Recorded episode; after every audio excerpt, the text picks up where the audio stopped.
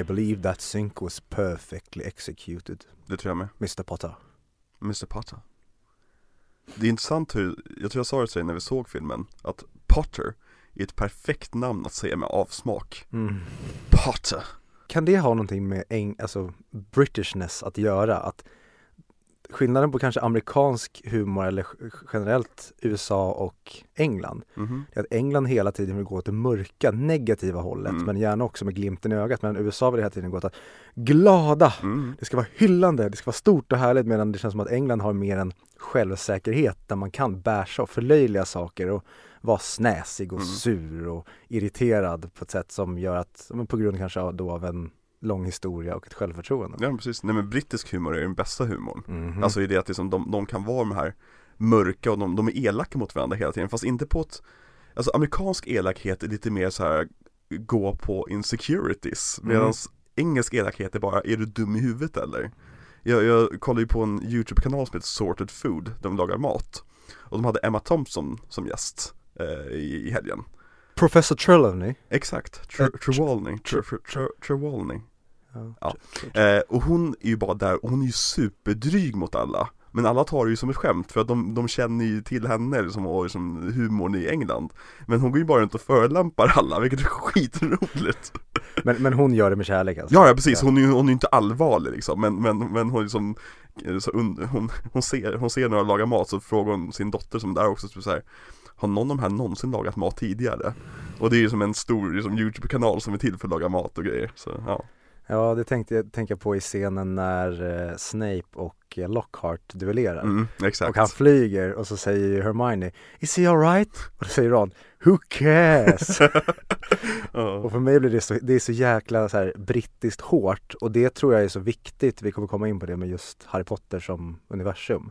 Att den är så otroligt fylld av den här brittiska råheten. Att Mm. mycket handlar om att det, liksom, det är förlöjligande, det är mobbning, alltså Mm. det, det är hårt från början och det hade aldrig funkat tror jag i en annan, framförallt inte i en amerikansk kontext. Det hade ju varit mycket mer städad i en amerikansk kontext Ja, och det tycker jag inte hade funkat överhuvudtaget i den här världen. mm.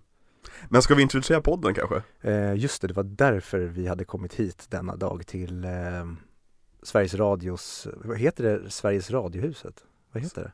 Det heter väl bara Radiohuset? Radiohuset? Eller? Den eh, gråa sovjetiska betongbyggnaden på Gärdet helt Exakt. enkelt, där vi har fått äran nu att leda Melodifestivalen, På spåret, Aktuellt Och P3 Guldgalan och Peter Guldgalan. Men nu har de ju sagt på nyheten att den är inställd på grund av covid. Men det de inte vet är att de har bara gjort den mer exklusiv, mer vippig. Exakt Det är egentligen, nu avslöjar vi ju en hemlighet som vi inte egentligen fick avslöja Så vi kommer ju klippa bort det här eller så får Silla Bänke komma och eh, jaga mig. Come at me bra Eller syster. Åh, jag tänker på scenen i eh, Superbad när eh, Bill Hader och eh, Seth Rogen har tvingat ner grabbarna på marken. Och han står med pistolen och siktar så bara Hold hands! Hold hands! Bara, Hold hands! Would you sister? Kinnikatakata! Tata sista! Gud det var så länge sedan jag såg den filmen, jag kommer inte ihåg det alls Briljant. Ja, nej men eh, jag för, för mig såg den förra sommaren Med dig kanske? Nej? Mm, Nej, mycket nej, nej, nej, jag såg den med mitt ex tror jag Ja, skitsamma Med mig alltså. Du är inte mitt ex, du är min pojkvän ja, Vi har gått igenom det här så många gånger Jag lär, jag lär mig aldrig. Nej men det är, det är moderna tider nu Mm. Ja, hur som helst. ehm, var kan vi börja någonstans? Vi är ju då audio videoklubben eller som våran slogan gick då på tv för kanske tio år sedan. Var det en butik som hette Audio video en bra affär? Ja, alltså det där, ja, det ringer ju någonstans klocka i huvudet men jag har ju för- försökt googla det här Och det, det, är- det är omöjligt att googla audio-video för det är liksom, ja Så då tänker jag ju stjäla den, eller det kanske var en radioreklam, Who gives a F? Eh, men vi pratade ju från början om då, i och med att du heter ju Alex mhm, och jag heter Viktor som vi Va? kanske ska säga så att de som eventuellt nu, förutom våra föräldrar, skulle lyssna på det här vet vad vi heter. Vi tänkte från början göra AVP, alltså Alex och Viktor podcast, audio, video, podcast, Alien vs Predator. Nej, just det, det var inte Alien vs Predator vi skulle gå in på. den kommer vi aldrig prata om Jag vägrar Nej. Alltså Victor vill egentligen skapa en hel podcast om Alien vs. Predator. Och jag kände att liksom, det räcker till kanske ett eller två avsnitt om man pratar om uppföljaren Requiem också. Men att ha en hel podcast om Alien vs. Predator Det är lite tjatigt. Så konceptet som jag kommer tillbaka till Victor med Är att vi pratar om filmografier och filmserier Där vi pratar om en film per avsnitt istället. Och det låter ju som lite mer hållbar idé för en podcast. Som man kan koppla till Alien vs. Predator Alltså om vi Eller? måste ta det dit till slut så, så kommer vi ta det dit. Men jag kommer kämpa med näbbar och klor för att inte prata om Alien vs Predator. Så, Alien vs Predator. Ja, eh, jag, jag, heter allt, det finns fler, nu, vi ska inte prata om Alien vs Predator, det är inte därför vi är här idag. Men det finns alltså flera Alien vs Predator filmer Ja, det Och- finns ju originalet Eller, ja men det finns ju första. Som kom någonstans på mitten Ja, 2000-tal fem kanske? Någonstans där. Mm. eh, Och sen så kom ju uppföljaren, Alien vs Predator Requiem. For a Dream. Xenomorph från blir beroende av heroin. Eller att Xenomorphen och Predator möter sin överkvinna Sarah Goldfarb. Ja, när hon är oh. spritt galen. Men hon dödar inte som andra dödar utan hon är då, hon använder sin kvinnliga maleficence, eller vad heter det? Jo, maleficence blir det ju, eller hur? alltså, Om man är malice, ja, då använder man sin maleficence. maleficence blir det, Ja, eller hur? ja, Ja, hon använder den för att då lura in Xenomorphen och Predatorn till Mm. att börja banta med henne. Så slutar med att de blir helt tokkackade och hamnar på psyket. exakt Och så Arnold Schwarzenegger kommer och plockar upp dem. Och säger You got in here to the chopper. Det lät Ja. inte som Arnold Schwarzenegger men eh, i vår värld så lät det som Arnold Schwarzenegger. Det var i alla fall Arnold Schwarzenegger. Ja Men nog om Alien vs Predator Vi kanske ska komma igång med det här någon gång. Ja, så- som, som jag var inne på så vi, vi, vi har ju då en idé om att vi ska prata om eh, filmserier och även regissörers filmografier och Mm. deras, eh, ja, eh, deras oeuvre. Eh, där vi kom, kommer gå igenom detaljerat, en film per avsnitt, prata om kontexten kring en regissörs uppgång och eventuellt fall. Eh, prata om hur påverkar den här filmen eh, budgeten för nästa film och vad händer i filmerna och så vidare. Och eh, jag tror det kommer bli väldigt informativt, kommer bli väldigt roligt förhoppningsvis. Men framförallt gör vi det här för vår egen skull, för vi upptäckte ju att vi sitter ju bara och pratar film hela dagen i alla fall. Kan vi lika gärna spela in det. Jag tänkte säga, jag håller med men det fanns ingenting att hålla med. Du lyder. Jag är din submissive från början. Ja, men det har jag alltid varit. Ja, och jag gjorde ju tidigare då podcasten 100 mick Så att för er som har hört den så har ni ju hört Alex tidigare eh, Men där pratade vi, vi gick igenom IMDBs topp 100-lista eh, Och till slut Charlie Chaplin Men då kände ju du och jag när vi började prata om vårt podd- poddprojekt att vi kanske ville göra det lite mer heltäckande Mm. och kanske inte bara bli som, för det är hela idén med 100 mick var att man skulle ha någon att hålla i handen när man ser den här topp 100-listans filmer. Nu kanske det blir lite mer informativt utan att lova för mycket men du och jag vill ju mer kanske då grotta ner oss i Mm. varje då, ta, säga att vi går igenom Steven Spielbergs filmer vilket jag inte känner skulle vara gångbart för att han har gjort så jävla många filmer så det skulle Man kan dela upp det på hälften också. Precis, men säg att vi skulle ta då en filmskapare med färre filmer, till exempel Quentin Tarantino, Mm. Paul Thomas Anderson eller till och med Christopher Nolan. Då skulle vi verkligen kunna fokusera väldigt mycket mer på varje film. Kanske gå in på mer liksom politiskt, ta Nolan där det tydligt var med studion att du gör en för oss, sen får du Precis. göra en för dig själv. Och så mycket funkar med filmskapare att ibland så blir det att ja, men du får göra ett projekt som du kanske själv inte brinner så mycket för för studions skull, du drar in pengarna och sen så får du göra din lite mer smala vision som du brinner väldigt mycket för. Mm. Då kan man fokusera mer på sådana saker, till exempel. Exakt. Alltså vi vill ju egentligen vara den här handboken till, till filmtittare, fi, filmnördar. Om så här, men jag vill ha kontexten bakom den här filmen. Jag, jag tyckte om filmen jag såg, men jag vill veta liksom så här, vad betyder den här filmen i det stora hela? Och vi vill skapa liksom den här övergripande kontexten angående en filmserie. När man ser alla filmer, när man ser alla Marvel-filmer i rad, vad händer med ens huvud? Ja men verkligen, för det, det säger att vi bara skulle prata nu. Nu ska vi ju inleda med Harry Potter och Det visar sten. Och det hade varit en helt annan film att prata om som själv, alltså vi kommer ju prata om det också, hur den här är då som startfilm. Och även om, säg att det inte hade kommit resten av filmerna, säg att det hade blivit en flopp. att ingen gick och såg den här, vad Mm. hade då Det visar sten varit för film som står på egna ben? Exakt. Men det är ju någonting helt annat än att prata om den som då en sjuboks följetong, nu blir det åtta filmer till och med Mm. och se liksom, okej men hur är det här som första episod i den här filmserien? Precis. Precis som med Marvel, att okej men hur står sig till exempel första Iron Man som egen film? Mm. Och hur står sig första Iron Man som en, liksom, Del av precis franchisen. den första gnistan som Mm. tänder det här fyrverkeriet som blev MCU till slut. Exakt. Och en annan sak som jag tycker är väldigt kul, alltså, som jag ser fram emot med den här podcasten jämfört med mina gästspel i 100 mick. Det är det att i 100 mick pratar ni generellt sett om bra filmer. För ni gick igenom IMDBs topp 100. Mm. Det kan ju vara filmer där som ni personligen inte tyckte om. Men det här- Dangal! Dangal till exempel. Eh, men det är ju fortfarande filmer som är älskade av folk och som har ett högt betyg av en anledning oftast. Mm. Medan här så kom, vi kommer ju prata om regissörernas skitfilmer och filmerna som kanske ingen har sett och kanske ger lite mer kontext till, till de här personerna som kanske inte riktigt vill se Following av Christopher Nolan för att den är svartvit eller vad som helst men fortfarande vill veta vad är det för typ av film? Var, vad gjorde den här för Nolan? Vilka kontakter gav den Nolan i, i branschen? Och så vidare. Mm.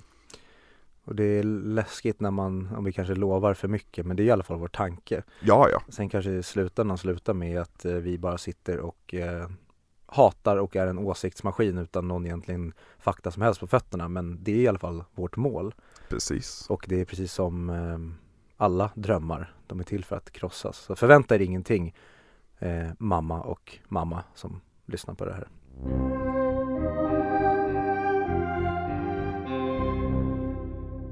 Men ja, vi ska ju helt enkelt inleda med Harry Potter-franchisen eller filmserien. Mhm. Och idag då i det första avsnittet så kommer vi ju fokusera mest på J.K. Rowlings värld och vad hon skapade för bokuniversum och även då ja, men det som sen blev Chris Columbus första film och tar det vidare därifrån. Precis. Och så kommer vi förmodligen inte hålla oss alls till det här utan vi kommer sväva ut i rymden och så kommer sluta med att vi sitter och pratar om klick. Och varför Adam Sandlers karaktär i den är en av de mest älskvärt, välförtjänt bärsade karaktärerna någonsin. Det kanske han inte är, det kanske bara är i våran lilla bubbla. Alltså jag tror att vi tänker mer på klick än vad någon i mänskligheten gjort. Hittills. Jag tror att vi tänker mer på klick än vad Adam Sandler tänker på klick Ja definitivt. Klick är för övrigt en av våra absoluta favoritfilmer, inte för att den nödvändigtvis är särskilt bra Utan mest för att den bara är otroligt sebar Mm. Och det här är sånt vi kommer komma in på lite grann Att som, en film kan, måste inte vara bra för att vara en bra film Nej, jag, jag har aldrig sett Victor skratta så mycket som när vi såg Cats för första gången det är en av de bästa filmupplevelserna jag haft. Ja, det är, alltså det, det är som att uppleva The Room igen, för er som Mm. inte sett den Ja, och det, det kan jag tycka blir väldigt mycket när då scenofiler och cineaster och filmnördar och folk som försvarar film som den finaste konsten som finns och vi ska se polska diskbänksdraman för det är viktigt. Det är inte riktigt du och jag, Nej. utan vi älskar ju väldigt bra film, framförallt väldigt bra berättade filmatiseringar eh, av då någons vision. Vi tycker om när framförallt jag kanske ska tala mer för mig själv men jag tror att jag även kan tala för dig också. Att vi tycker väldigt mycket om när en regissör verkar veta precis vad den gör. mm. Det, det, det, filmen behöver inte vara perfekt men det känns som att regissören vet när den även inte är perfekt. Precis Och samma sak kan vi älska filmer som tror att den gör någonting men gör någonting helt annat och det Ja. finns ett otroligt värde i det också. Lex The Room Mhm. och Lex Click, eh, Gotti är en annan film, Cat samma sak. Vi Mhm. älskar att titta på dålig film och det kan jag uppleva att många när man eh, har pratat film med folk genom åren det är att direkt så blir det någon slags hat mot dålig film från Ja. många, att de kan inte de kan inte njuta av det, eller de säger varför ska jag slösa min tid på en film som har 5,6 på IMDB? Att, ja men det finns ju ett värde i det också, det är väldigt roligt att titta på saker som är Ja. haverin, alltså att man inte bara ska investera i då till exempel IMDBs topp 100-lista, ja men det är ju de filmerna med högst betyg. Ja, men det är ju nödvändigtvis, alltså en film som har 8,7 på IMDB kan vara så jäkla mycket mer tråkig att titta på än en film som är usel. Dark Knight Rises mm, ja, jag vill inte tänka på Dark Knight Rises för att jag Vi ska inte ge oss in på den där Men egentligen det vi vill säga egentligen att vi kommer prata om en hel del dålig film här också Och, och det är liksom, det är egentligen grundsyftet att Att försöka få Att försöka sprida vår bild av eh, shitwatching kan vi kalla det Ja. eh, ut i världen. För, för vi, alltså, när, när, när jag och Viktor ska ha en filmkväll och vi ska bestämma vilken film vi, vi ska kolla på. Då finns det två olika kategorier som vi brukar välja mellan. Vi vill se en filmfilm, vi vill kolla på Aviator av, av Martin Scorsese. Vad kul att du sa just Aviator för det var den jag skulle ta också Ja men det är klart, vi vill alltid se Aviator. Eller vi vill kolla på The Social Network av David Fincher. mm. Eller vi vill slå på Amazing Spider-Man 2. Och det tänkte jag också göra, mm. men där var det mer Aj! Och det, och det är lite grann, grann den känslan vi vill komma, alltså, även de sämsta filmerna har, har någonting bra att, att komma med. Och även de sämsta filmerna har personer bakom sig som trodde att det här skulle bli bra. Mm. Och personer som hade en vilja och en, och, en, och, en, och en dröm om att göra en stor film Ja, och det är också en stigma vi kommer gå ner på minst ett antal gånger tror jag, just det här med att när du märker att det finns kärlek bakom filmen, även fast det blir mindre bra, så finns det en viss nivå av ambition. mm. Sen kan du se stora filmer som kanske är hyllade av kritiker eller till och med drog in mycket pengar på box office, men där man ser att deras hjärta fanns inte här, Nej. utan det här var bara en cash grab. Lex näm- Hobbit. Jag skulle säga, jag nämnde inga namn, men Peter Jackson, I'm coming for you.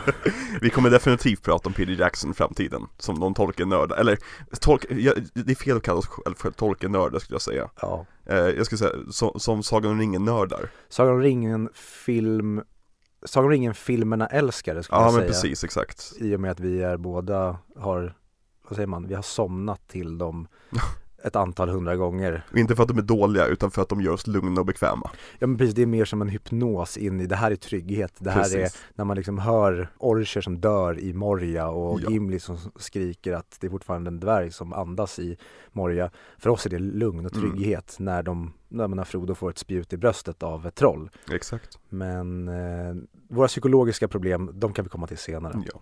Och en annan filmserie som vi väldigt ofta som barn eh, somnade till och hade som de här avslappningsfilmerna, mysfilmerna Det är ju då Harry Potter-franchisen Vet du? Du borde leda Peter Guld med den där övergången. Ja verkligen, men jag är inte gangsterrappare Men är det de som leder det? Nej i och för sig, det är sant, de får bara priser Gud, jag, jag, jag försökte så här, hmm, kan jag göra en övergång från gangsterrap till Harry Potter? Har du skrivit en gangsterrap om Harry Potter? Det hade ju varit episkt om jag körde det i nästa avsnitt. Speciellt eftersom du är den vitaste mannen jag vet Eh, typ ja. Ja. Mm. Men eh, ja, vi hade tänkt att börja i och med att det är ju 20 år sedan Chris Columbus, Harry Potter and the Philosopher's Stone hade biopremiär.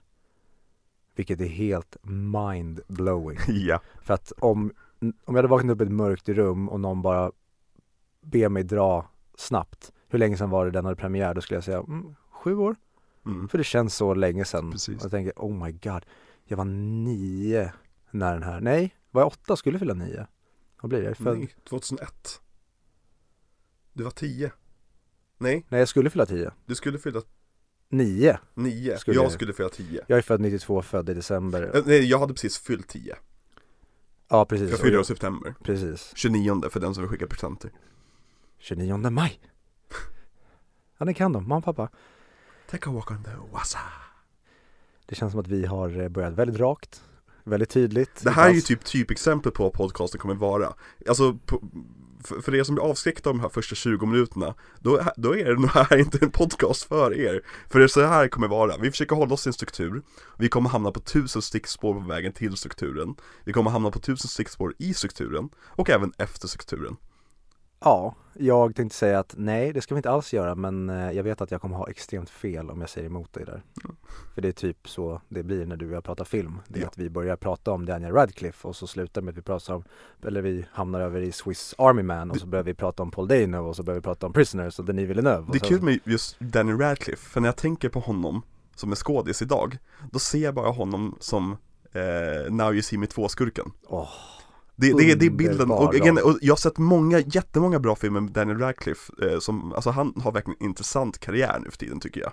Eh, Han gör liksom intressanta, smått liksom halv indie-filmer med liksom roliga koncept och grejer.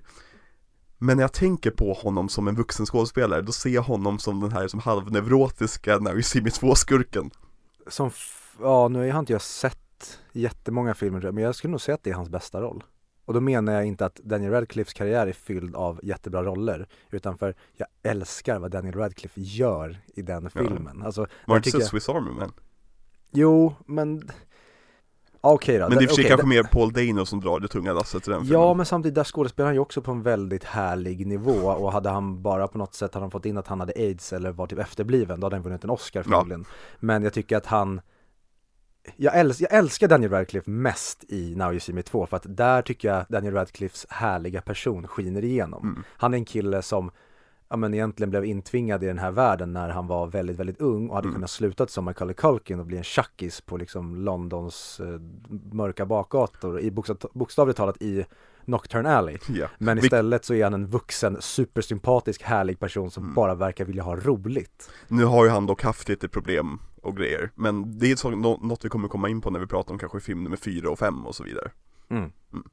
Precis, men vi, jag tycker inte vi ska ens eh, peka honom i den riktningen som det gick för Macaulay Culkin. Nej nej Fast Macaulay Culkin, om man ska vara, om man ska dra ett stickspår eh, jag, jag, jag blir glad i hjärtat när jag ser vad han gör idag Mm. Jämfört med för tio år sedan så att säga För att nu verkar det som att han verkligen mår bra Och att han liksom har blivit ren och att han har fått liksom pli på sitt liv och han har sin lilla liksom så här, mm, ja, sin hemsida där han släpper liksom roliga videos och grejer, alltså det är verkligen Han känns som en person som har ha- äntligen hamnat på rätt spår för vad han ville göra Och så har han ett band som sjunger om pizza och det respekterar jag Jag respekterar band, jag respekterar pizza, jag respekterar eh, Kevin i Ensam Hemma. Så att, eh, Respect the pizza Känns som något som skulle kunna sägas i Gotti verkligen. Eh, men vad var det jag skulle säga? Jo, eh, det var faktiskt en, en väldigt fin grej tycker jag när jag var och firade jul i eh, Kalifornien för ett par år sedan. Blir det. Då var jag faktiskt på samma amerikansk fotbollsmatch som Macaulay Culkin. Och då satt han på någon slags VIP-plats och Mm. när de liksom filmade in på honom, det var några fler kändisar, jag kommer inte ihåg vilka det var. Men då applåderade publiken Ja. och det kändes verkligen som att wow, de tycker verkligen om honom. Så, här, alla har ju sett Ensam Hemma A- Mm. alla, alla, alla har en relation, eller ah, okej, alla som levde på 90-talet har en relation till Macaulay Culkin på något sätt. Och det är som, jag tror att folk är väldigt Folk har honom väldigt varmt om hjärtat. Och ett tag var det väldigt kul för folk att så här, klanka ner på honom. Kolla Mm. på den här bilden på annan, han har slitet skägg och ser ut som en jävla tjackis. Kolla hur, hur det går för barnskådisar. Men jag tror att det är en större reaktion när det väl, väl går bra för honom. Memen, för jag vet att han och Ryan Gosling hade varandra på sina t-shirtar och så blev det en Ja. eh, in, heter det, Inception t-shirt, att de hade en t-shirt på när de hade på sig en Precis. t-shirt på varandra. Vem var det som startade den? Var det, Jag tror det var, men det låter som en typisk Macaulay Culkin grej att starta han hade en t-shirt med Ryan Gosling? Ja och precis, så gjorde. Ryan Gosling Jag en t-shirt. det kan mycket väl vara bakvänt också för Ryan Gosling är en jävla little stinker också Mm. Han verkar kul humor Men, Precis. ska vi prata om Harry Potter? Eh, ja, jag tänker så här, är det någonting mer vi behöver presentera? Nej, vi har fått in det egentligen vad vår tanke är med det här hela spektaklet helt enkelt. Eh, och det kommer ju bli som miniserier då, kapitel, där Ja. vi eh, ja, går igenom då regissörsark eller till exempel så att vi skulle ta Marvel Phase 1. Så att vi kommer släppa då Harry Potter nu som en, poff, som ett kapitel. Och sen så får vi se vad som blir kapitel två, om det blir en regissörsark eller om det blir en ny filmserie. Ja. Och sen så kommer det se ut så. Så det kommer vara mer som ja, men små böcker i en bokhylla som man kan öppna och Exakt gotta ner sig i. Och det är som vår grundtanke egentligen Och det här kommer vi säkert rucka på flera gånger Men vår grundtanke är ju att Köra varannan miniserie regissör Och varannan miniserie en filmserie Mm. En franchise Sen så kommer vi såklart ja, få slut på franchises efter ett tag antagligen eh, Men regissörer finns ju väldigt gott om Men mellan de här miniserierna så ska vi ha liksom en Vad ska man säga? En amuse bouche En, en, en, eh, vad heter det? Smak, pa- palate cleanser, vad heter det på svenska? Alltså palette cleanser eller mousse bouche. En amuse bouche kan ju användas som en palate eh, cleanser Ja, någonting för att bryta lite grann, ge en liten andningspaus Så emellan de här miniserierna så kommer vi klämma in ett avsnitt med en random film som vi vill prata om Och där kommer vi klämma in filmer som Click, Walk Hard, kanske Cats Ja, och så- eller även något mästerverk som vi bara känner att den här vill vi prata om. Precis, om, det kanske, om vi kanske märker att det är en regissör som gjort ett mästerverk och resten är liksom som filmer som inte är kul att prata om kanske. Ja men då kanske vi klämmer in den där och så vidare. Så håll utkik i era feeder med eh, vad som kommer helt enkelt. Det låter la bra.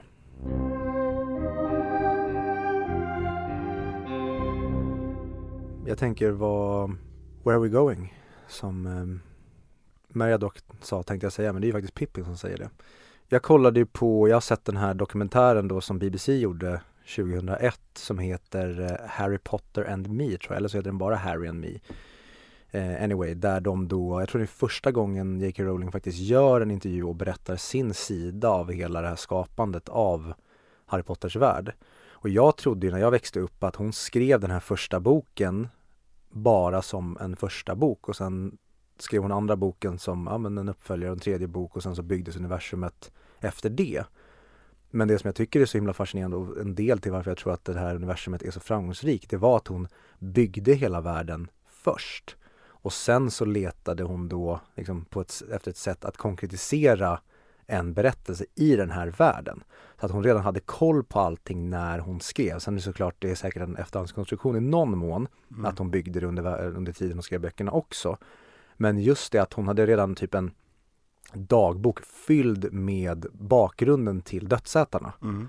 Och då har man, så här, okej okay, men perfekt, då vet vi vart, eller inte vi, men hon vet, ja härifrån kommer Lucius Malfoy från det här hållet. Det här är Tom Dolders bakgrund och så vidare istället för att man måste liksom invent stuff as you go. För det ja. tycker jag ofta när jag konsumerar saker att man märker när det här inte kommer från, ja men ta då tolken till exempel, man märker att tolken har en värld när han skrev Sagan om ringen snarare än att han hittade på en värld. Han hade mm. liksom skrivit förlagor tidigare och byggt språk och det så att det fanns redan en värld vi kunde verkligen stå på som en grund och sen så byggde han ja, Härskaringen eller The Hobbit innan också. Men just att det känns verkligen från bok ett, sen så tycker jag det blir mer och mer ju tjockare böckerna blir och ju, ju mer mustigt det här blir. Men det känns även i både bok och film ett att här har vi en så jäkla konkret värld och det tror jag verkligen är, om man ska peka på någonting, nyckeln till varför det här flög, alltså to say the least, mm. som en jävla åskvigg. Pun intended. Verkligen. Brum, brum, ja. Men, um, berätta för mig, hur, hur startade allting då? Hur, varför började J.K. Rowling skriva den här boken? Hon svarade på det här själv att det inte riktigt var så dramatiskt som media ville få det att verka som att hon hade gjort slut med sin man, hon skulle uppfostras ett barn, det var en bebis, hon hade inget jobb, hon levde i en lägenhet utan värme. Hon sa att så dramatiskt var det inte riktigt. Liksom, de här sakerna stämmer visserligen mm. men hon var inte det här offret som då media verkligen vill, de ville måla upp henne som den här, ja men kommer från underdog verkligen nerifrån the concrete och tar sig upp till toppen. Det är en väldigt bra story. Det är ju verkligen Ja, och jag tror inte hon har någonting emot med att de sålde Nej. hela henne som det, men sen när hon berättar om att det var inte riktigt så här, Nej. sen har hon väldigt jobbiga minnen av den tiden, men de var inte, inte riktigt så hemska. Men alltså, okay, om man sammanfattar en persons alla liksom ångestmoment, då kan det oftast låta som att shit den här personen måste ju verkligen levt i totalt jävla mörker mm. Men de här ångestmomenten kommer ju bara in ibland liksom och, och, det, och på det stora hela kanske inte kändes riktigt så som säger dramatiskt som, som medierna vill få, få till det. det. Hon hade jobbat vet jag som lärare i Portugal ett tag mm. eh, och kom tillbaka och jag tror att hon bodde i Edinburgh när hon skrev mm. eh, och till exempel en rolig detalj är ju att hur eh, Platform 9 and quarter fan kan inte Platform 9 and 3 quarters eh, hur den ser ut i filmen det är ju en tågstation i Manchester för så mm. ser inte alls Kings Cross ut i London. Nej, så det är en precis. kul så här, detalj, så när folk kommer och ska besöka Platform 9 and 3 quarters på riktigt så bara de måste ha eller renoverat den här efter för det ser verkligen inte ut som mm. i filmerna eller i, i böckerna. Och det är sådana roliga detaljer men hon i alla fall som hon berättade själv så var det att hon kom på, hon, hon satt på ett tåg mellan London och Manchester tror jag att det var och helt plötsligt bara ser hon den här pojken framför sig i då en magisk värld och hon hade ingenting att skriva på där och då. Utan hon, hon kollade, hade ingen penna, hon hade ingen servett ens. Så att hon satt under de här timmarna, jag tror det var fyra timmars tågresa på den trippen hon reste. Och då satt hon bara och byggde det här universumet i huvudet. Och sen när hon kom hem då hade hon så otroligt mycket grejer hon redan hade målat upp i sin mm. skalle. Som bara behövde klottra ner. Och i den här dokumentären då så visar hon hon har liksom så här barndagböcker, hon har bara skrivit baksidan av räkningar och allt möjligt. Ja. Så fort det bara dök upp grejer i hennes huvud så bara byggde hon och byggde och byggde vidare.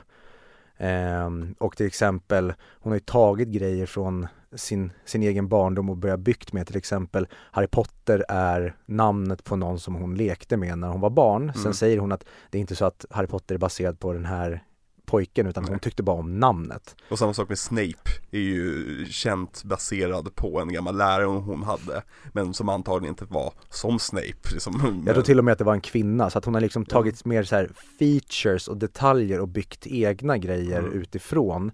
Och sen är hon ju väldigt också influerad av C.S. Lewis och J.K. Äh, eh, Tolkien och, och Ja. alla de här som Det märks ju så tydligt Hon ger ju, alltså hon ger ju regelrätta hommager till de här Mm. personerna i sina böcker och, och filmerna också då eh, Så det, hon, hon Man skulle kunna säga att hon Precis som Tolkien, och det här pratade vi om i Tolkien-avsnitten i 100 mick Och det kommer vi antagligen prata om i Tolkien-avsnittet när vi körde också Men att hon försöker ju bygga någon slags liksom, mytologi för England. I det att liksom, det blir en, en, en, en värld, att det här är någonting unikt brittiskt, Mm. den här världen. Det här, det här går inte bara att, att rakt och håll, eh, helt och hållet bara flytta över till USA och det funkar. Utan det här är någonting som är unikt brittiskt. Och det, det uppskattar jag, det minns jag när jag var liten, det känns så speciellt Verkligen, och det är, ja, som vi redan har nämnt, att mycket av det här, det hade inte funkat om det hade satt i andra miljöer med andra länders kulturer, deras historik och mytologi utan det, det här, så många grejer till exempel, vi pratade om det i 100 mycket också, 100, alltså Sagan om ringen-filmerna, varför de funkar. Mycket är bara liksom ren tillfällighet, the stars aligned, alltså, Mm. eller det, det blev bara som det blev. Men man ska verkligen ge cred till henne för hon hade så många år där hon lag liksom grundarbetet och verkligen gjorde det i rätt ordning. Att det inte blev att, som jag då trodde, att hon skrev den här boken och sen fick hon bygga i farten. För då tror jag det hade kunnat fallera väldigt tidigt och man hade börjat se hur sömmarna sprack, att hon inte Precis. höll sig kontinuerlig eller någonting. Sen finns det vissa grejer som hon kanske inte följer upp på, men det kommer Exakt. vi komma till. Vi kommer komma in på det, den här världen är ju väldigt ömtålig värld Det är en underbar värld, det är en färgsprakande värld som man bara liksom vill gotta ner sig i Mm. Men det är också en värld som om, om man börjar dra, dra i minsta lilla tråd så faller den ihop rätt snabbt Men det är samma sak med Sagan om ringen, återigen, att det är inte en värld som är gjord att hålla på och pilla i och kolla på detaljerna på För det du får höra om den här världen, det är det viktiga att höra om världen och sen så att Hermione kan vrida tillbaka tiden hur hon vill med en apparat som ministeriet har hundratusen av liksom. det, det, det bryter världen. Men man får inte tänka på det, utan huvudsaken är att Hermione har mackapären Mm. och så vidare. Ja men precis, och hade det varit då kanske lite tommare skal då, ta Sagan om ringen då, kanske där Legolas kanske inte är en lika färgstark karaktär som många bikaraktärerna är i Harry Potter. Mm. Då kanske vi hade tappat det tidigare om man väl börjar rycka i sömmarna, men det är just att hon får till så otroligt tydliga karaktärer så att när då säger Hermione, Harry och Ron ställs inför någonting nytt i en bok, då vet vi redan innan hur varje karaktär kommer reagera Ja. på den här grejen som de ställs inför. Så väldefinierade karaktärer. Men precis, att vi vet hela tiden vem det handlar om. När man börjar höra så här att ja, det där, det där, det där, den har gjort det här. Det låter som en person som kanske har den här typen av grejer, den har gjort det här. Då kan vi direkt på detaljerna säga, ja det är förmodligen Hagrid som har gjort det där på grund av att han är si och så. Precis. Att vi känner, de, de blir så levande och då är vi redan investerade i deras karaktärer. Även Exakt. fast då till exempel den här, um, vad heter den, tidsvänd? Time Turner, jag vet inte. Tidsvändaren, tror den heter på svenska. Heter den verkligen? Ja, vi kommer till det när vi Det är pratar 20 år sedan jag läste Harry Potter 3 på svenska. Så. Ja, vi kommer till Azkaban någon gång i den här takten. Men eh, att sådana saker, det gör inte så mycket. Och det är också med den här världen, den är brittisk, den har glimten i ögat, Mm. vilket gör att när saker kanske inte håller sig fullt trovärdiga eller man kanske kan sticka hål på det, då istället för att ballongen, ja men, bara säger pang och exploderar, då sitter en hushalf där inne som kanske har kissat på sig för att det är det J.K. Rowling gör. Hon tar väldigt eh, allvarliga saker och så stoppar hon in humor i det och hon tar väldigt humoristiska saker och de kan väldigt snabbt gå över till någonting blodallvarligt. Ja, Hon pendlar mellan det här hela tiden vilket gör att vi hela tiden kastas mellan skratt, hopp och förtvivlan. Mm. Och den liksom, hon tar sig själv på väldigt stort allvar Mm. samtidigt som hon inte alls tar sig själv på stort allvar. Men jag tror att skillnaden mellan typ, om vi, om ska om vi ska fortsätta tjata och jämföra med J.K. Rowling med Tolkien Så är ju Harry Potter barnböcker Och J.K. Rowling förstår barn väldigt, väldigt väl. Antagligen på grund av att hon har jobbat som lärare och, Mm. och är förälder själv. Eh, Men hon förstår det här att barn vill bli skrämda. Barn vill att det ska vara lite nervöst. Sen så är det viktigt för barn också sen att det, att det blir löst på Ja. ett bra sätt. För annars, annars får de panik. Vilket, vilket många barn reagerade på i slutet på sexan när, spoilers, Dumbledore dör. Eh, För det, det klaras inte upp där Jag minns att väldigt många blev väldigt chockade över det Mm. eh, Men J.K. Rowling förstår det här att det är som så här det, det, Hon förstår barnrädslor, vilket gör att barn blir investerade För barn tycker om att bli uppskrämda Ja, och som du säger just med att det avslutas på någonting bra, för det blir också som en lärdom och lite liksom om man kollar på då vad Harry Potter symboliserar, att du vågar gå in i the belly of the beast och liksom i mörkret och vara hjälten med hopp om att på slutet då kommer du lö- det kommer komma någonting bättre på andra sidan. Det hade inte funkat om första Harry Potter slutar med att liksom Ron och Hermione dör och eh, Harry blir utkastad från skolan och så är han tillbaka hos Dursleys för då finns det ingen lärdom i det här utan Nej. vi, liksom, vi måste hela tiden se Harry växa genom åren, att barnen ska kunna växa med Harry och förstå att men, ansvar är viktigt och du kanske inte Harry och de kanske lite väl mycket att de söker sig till hjälterollen även fast de inte uttalat söker sig till utan de vill faktiskt hjälpa till och stoppa ondskan. mm. Men det är så otroligt viktigt att det inte blir som jag då till exempel. Jag älskar ju när filmer slutar hopplöst. Men jag hade inte samma kärlek till eh, den typen av slut när jag var barn. Utan Nej. då ville man ju att det skulle sluta på ett bra sätt. Alla de levde lyckliga alla sina dagar. Ja, Medan jag som vuxen kan tycka när det är jävligt fett när man vågar dra ner allting i skiten och besluta med att jaha, allt sket sig i slutändan för jag kan tycka att det är någonting kaxigt och kul men för barn är det just det att vi vill in i mörkret, vara svinrädda mm. och sen klarade sig alla och det blev bra. Ja men det, alltså, för att vara, vara en serie böcker framförallt och, och filmer Där det händer så jättemycket olika saker, det är mycket plot points, det är mycket så roliga moment. Så handlar filmen och böckerna nästan alltid om karaktärernas utveckling Mm. och hur de växer som, till, till att bli vuxna.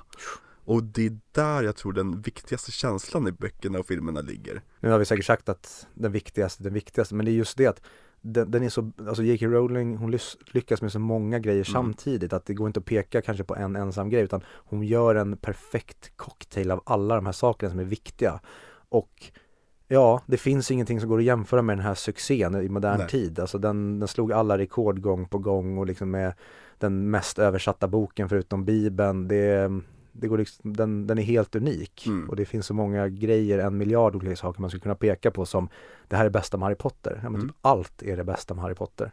Och det, det ska också sägas att vi älskar ju vi, de här, den här världen, de här böckerna, de här filmerna väldigt mycket.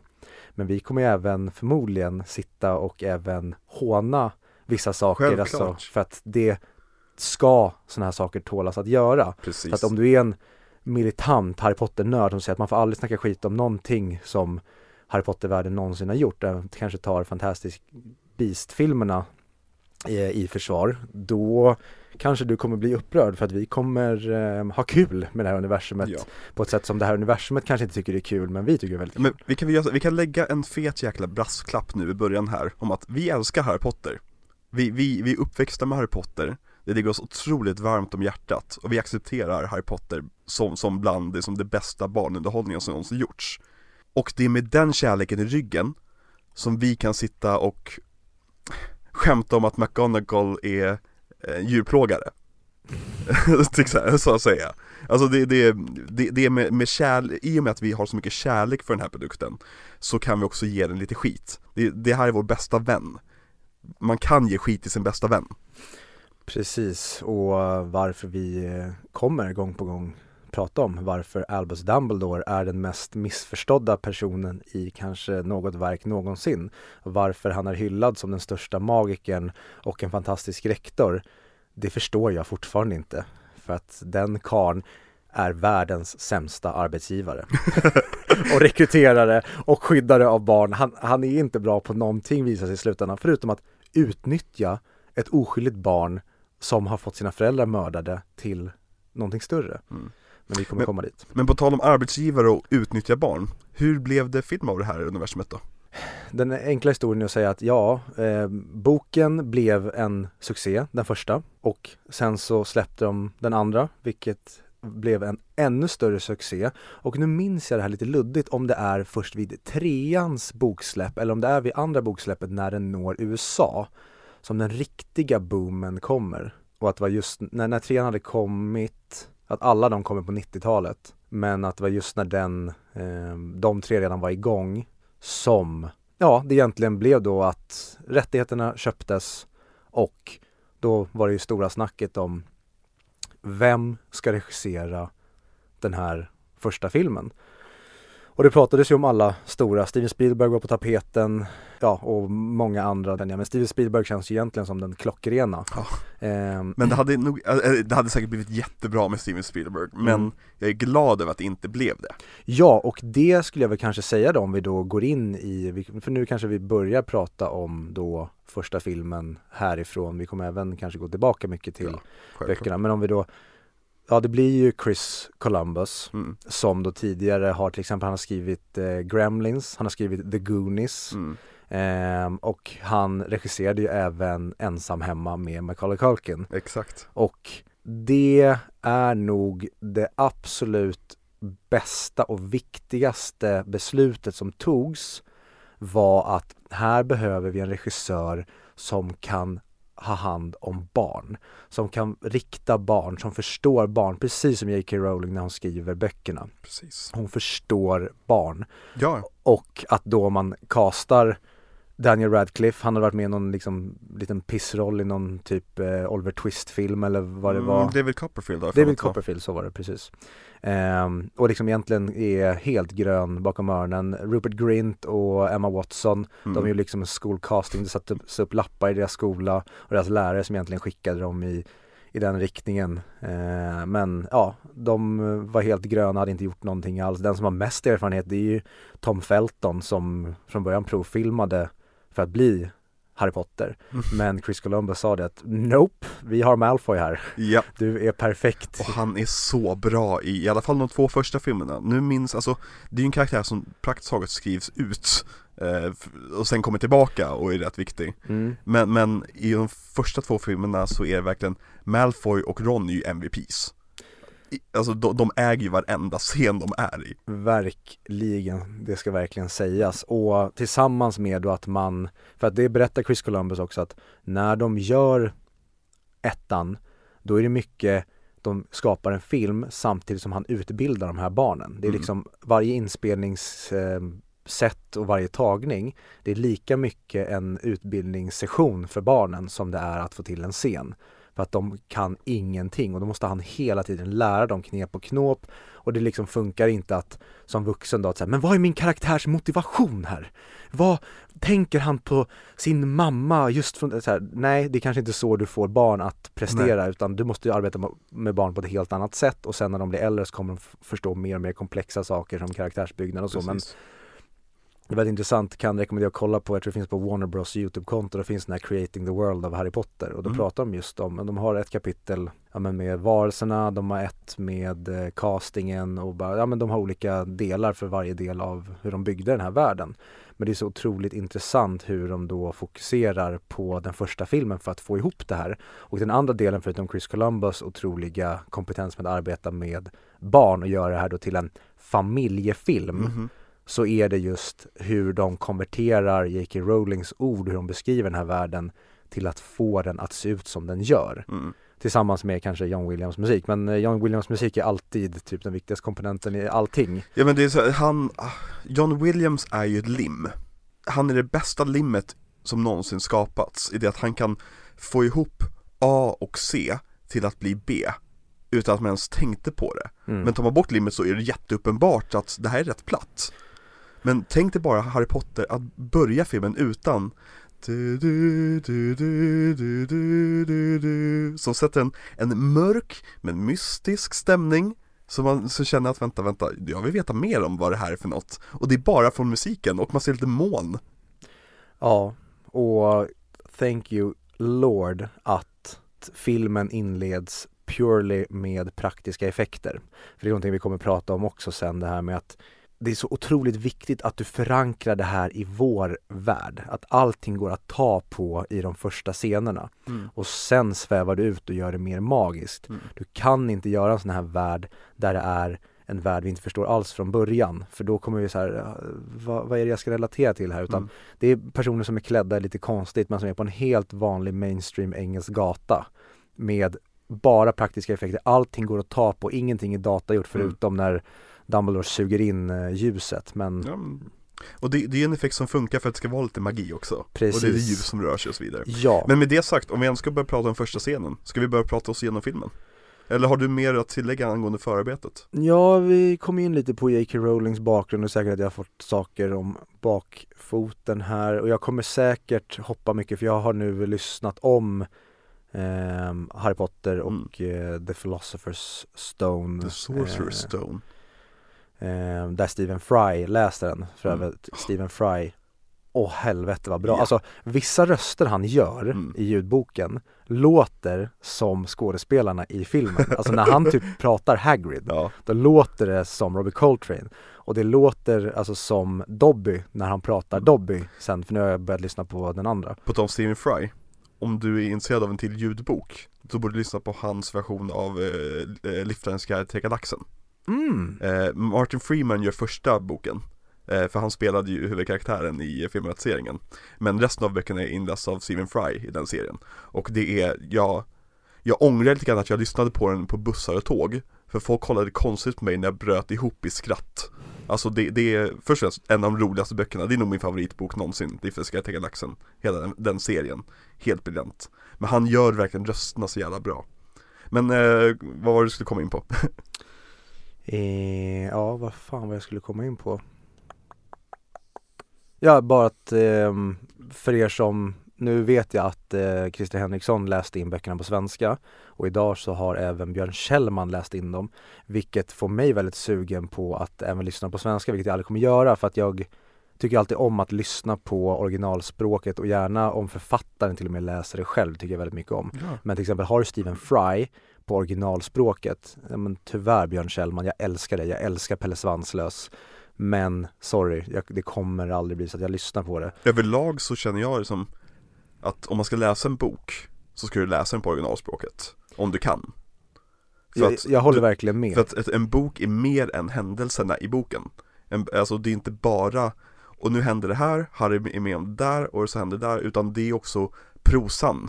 Hur man Mm. författar meningarna, hur folk pratar med varandra, vilka ord som används. Och en bra översättare får ju med en representation av det här, men de kommer aldrig kunna översätta helt och hållet. Nej, och det tycker jag väl att den som då översatte Harry Potter-böckerna lyckas så snuskigt bra med. Mm. Den får verkligen till alltså jargongen i Mm. den här världen. Eh, för det hade kunnat bli någonting helt annorlunda om det är någon annan som inte förstår det här.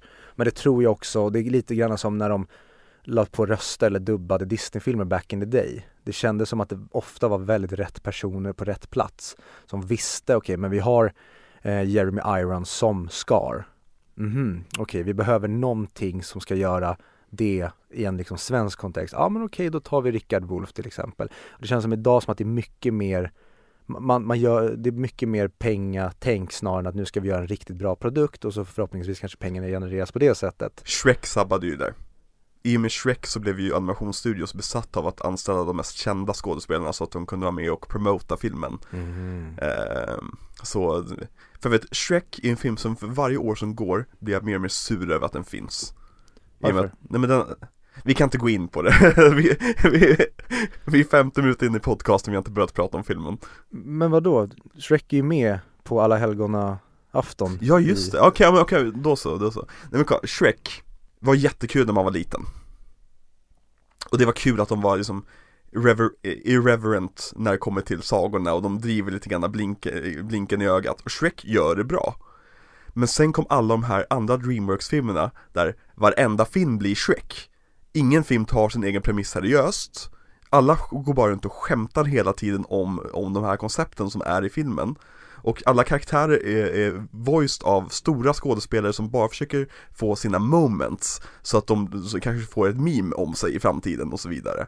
Och jag tycker att Shrek är verkligen där allting började med det här.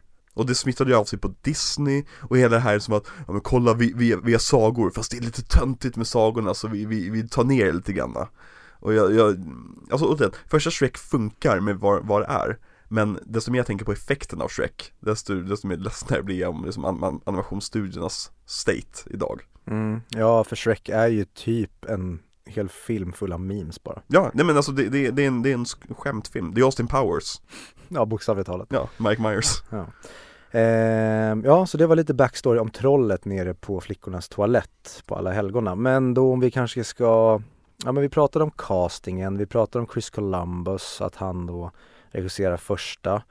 Eh, ska vi komma in lite mer kanske på castingen eller kanske ska vi börja från filmens start, vilket vi ändå, vi kommer ändå in vi, på vi, första scenen. Vi, vi gör så här. vi pratar igenom filmen nu storyn och plotten i filmen. Mm. Och sen så tar vi igenom hela castlistan på slutet. Ja, och vi kommer säkert eh, ta upp dem nu på vägen i och med att vi går igenom filmen helt Ja. enkelt. Och vi vill också lägga till, det här kanske vi nämnde i början, men vi har en e-postadress ifall vi säger någonting som ni inte ni håller med om, eller som ni håller med jättemycket om, eller om ni bara vill skicka oss recept på chokladbollar. Eh, så kan ni mejla oss på Eh, jag tänkte först säga 100micpodcast.gmail.com Nej, vi eh, har då audiovideoklubben at gmail.com och vi har även sociala mediekonton på Facebook, Twitter, Instagram är väl det va? mm, Där vi heter audiovideoklubben. Så att vill ni skriva någonting, säga att vi eh, är värdelösa eller ni bara undrar någonting eller någonting Mm. ni vill att vi tar upp eller bara egentligen säga att vi har fått helt om bakfoten så kommer vi inte besvara någonting för att vi är perfekta och kan allt och vet allt. ja. Eh, och vi har också en Patreon ifall ni tycker att vi gör ett väldigt bra jobb ifrån oss och ni vill skänka en slant till oss. Eh, och då är det egentligen bara att söka på audio videoklubben, eller hur? På Patreon. Det Och där- ska det vara. Och där kan vi lägga till, det kommer komma upp väldigt mycket extra material och grejer där. Eh, DVD-kommentarer och annat kul som vi kommer på att göra. Eh, så det är bara surfa in där om ni känner för det. Ja men precis, alltså vill ni donera en, en dollar helt enkelt så kanske det i slutändan gör att vi kan bygga vårt eget eh, podd Imperium, då kan ni känna er stolta över att det var ni som var med och bidrog men egentligen, det kommer bli sen mer som en kanal för, med lite mer gott i gott Mm. eh, för er som eh, vill ha mer än bara våran vanliga katalog helt enkelt. precis. men to be continued på den punkten helt enkelt. Ja. Vi kan lägga till, miniserierna som vi gör på mainfeeden kommer alltid vara gratis. Och vi kommer, vi kommer köra igenom hela mini, miniserierna. Ni behöver inte oroa er för att vi kommer börja släppa så halva avsnitt och att resten kommer upp på Patreon. Men för den som vill ge oss en extra slant så kommer också finnas lite, inte belöning helt enkelt för den, för den supporten. Vad säger man? Urkukningsplattformen kanske? Ja men precis, i och med att det är bakom en betalvägg också så kommer ju studiornas algoritmer inte, inte nå oss på samma sätt och vi kommer kunna vara lite mer friare och lite mer, vad ska man säga, urkukande sa du, men jag tycker inte om det ordet alls. Det är där vi kommer ut som dödsätare helt enkelt. Ja men precis, exakt.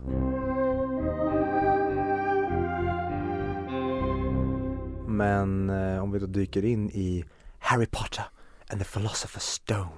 Vilken är, vilken är din favoritslinga i första filmen? Alltså ljudslinga.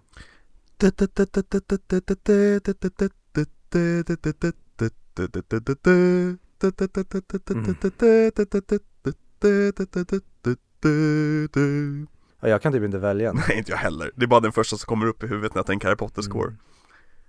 Jag har gått och nynnat på den senaste veckan, då har det blivit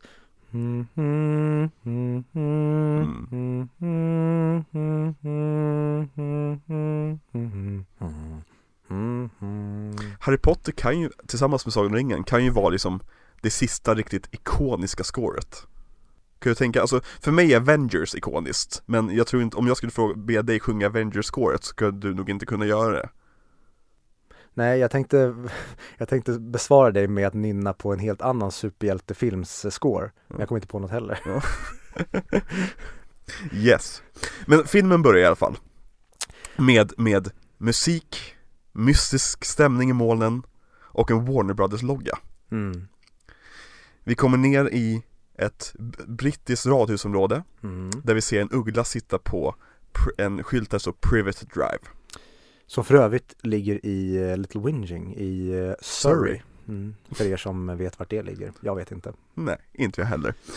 Eh, och i den här scenen då så kommer Hagrid, en stor halvjätte, med eh, ett barn eh, på sin motorcykel och lämnar av det till Professor McGonagall och Professor Dumbledore. Ja, eller om vi då liksom den, den första egentligen, vi, vi ser eh, kameran filmar ut i någon slags eh, skogsdunge Mm. och därifrån kommer en vitskäggig man i någon slags robe som bara kliver ut till dramatisk musik Mm. och du ser liksom hur rökmaskinens liksom fog glider förbi där de har liksom perfekt ljusat varje steg här så du får en djup, vacker, mystisk bild. Exakt. För jag tänkte verkligen på det när vi såg den att Åh vad jag är glad att den här filmen inte börjar på någonting mer dramatiskt utan vi Mm. börjar på det här väldigt lugna, mörka Och det är filmat på 35 mm film Vilket gör så att all, alla effekter bara blandas ihop jättebra med resten av filmen Vilket vi kommer komma till när vi pratar mer om tvåan kanske För det är lite mer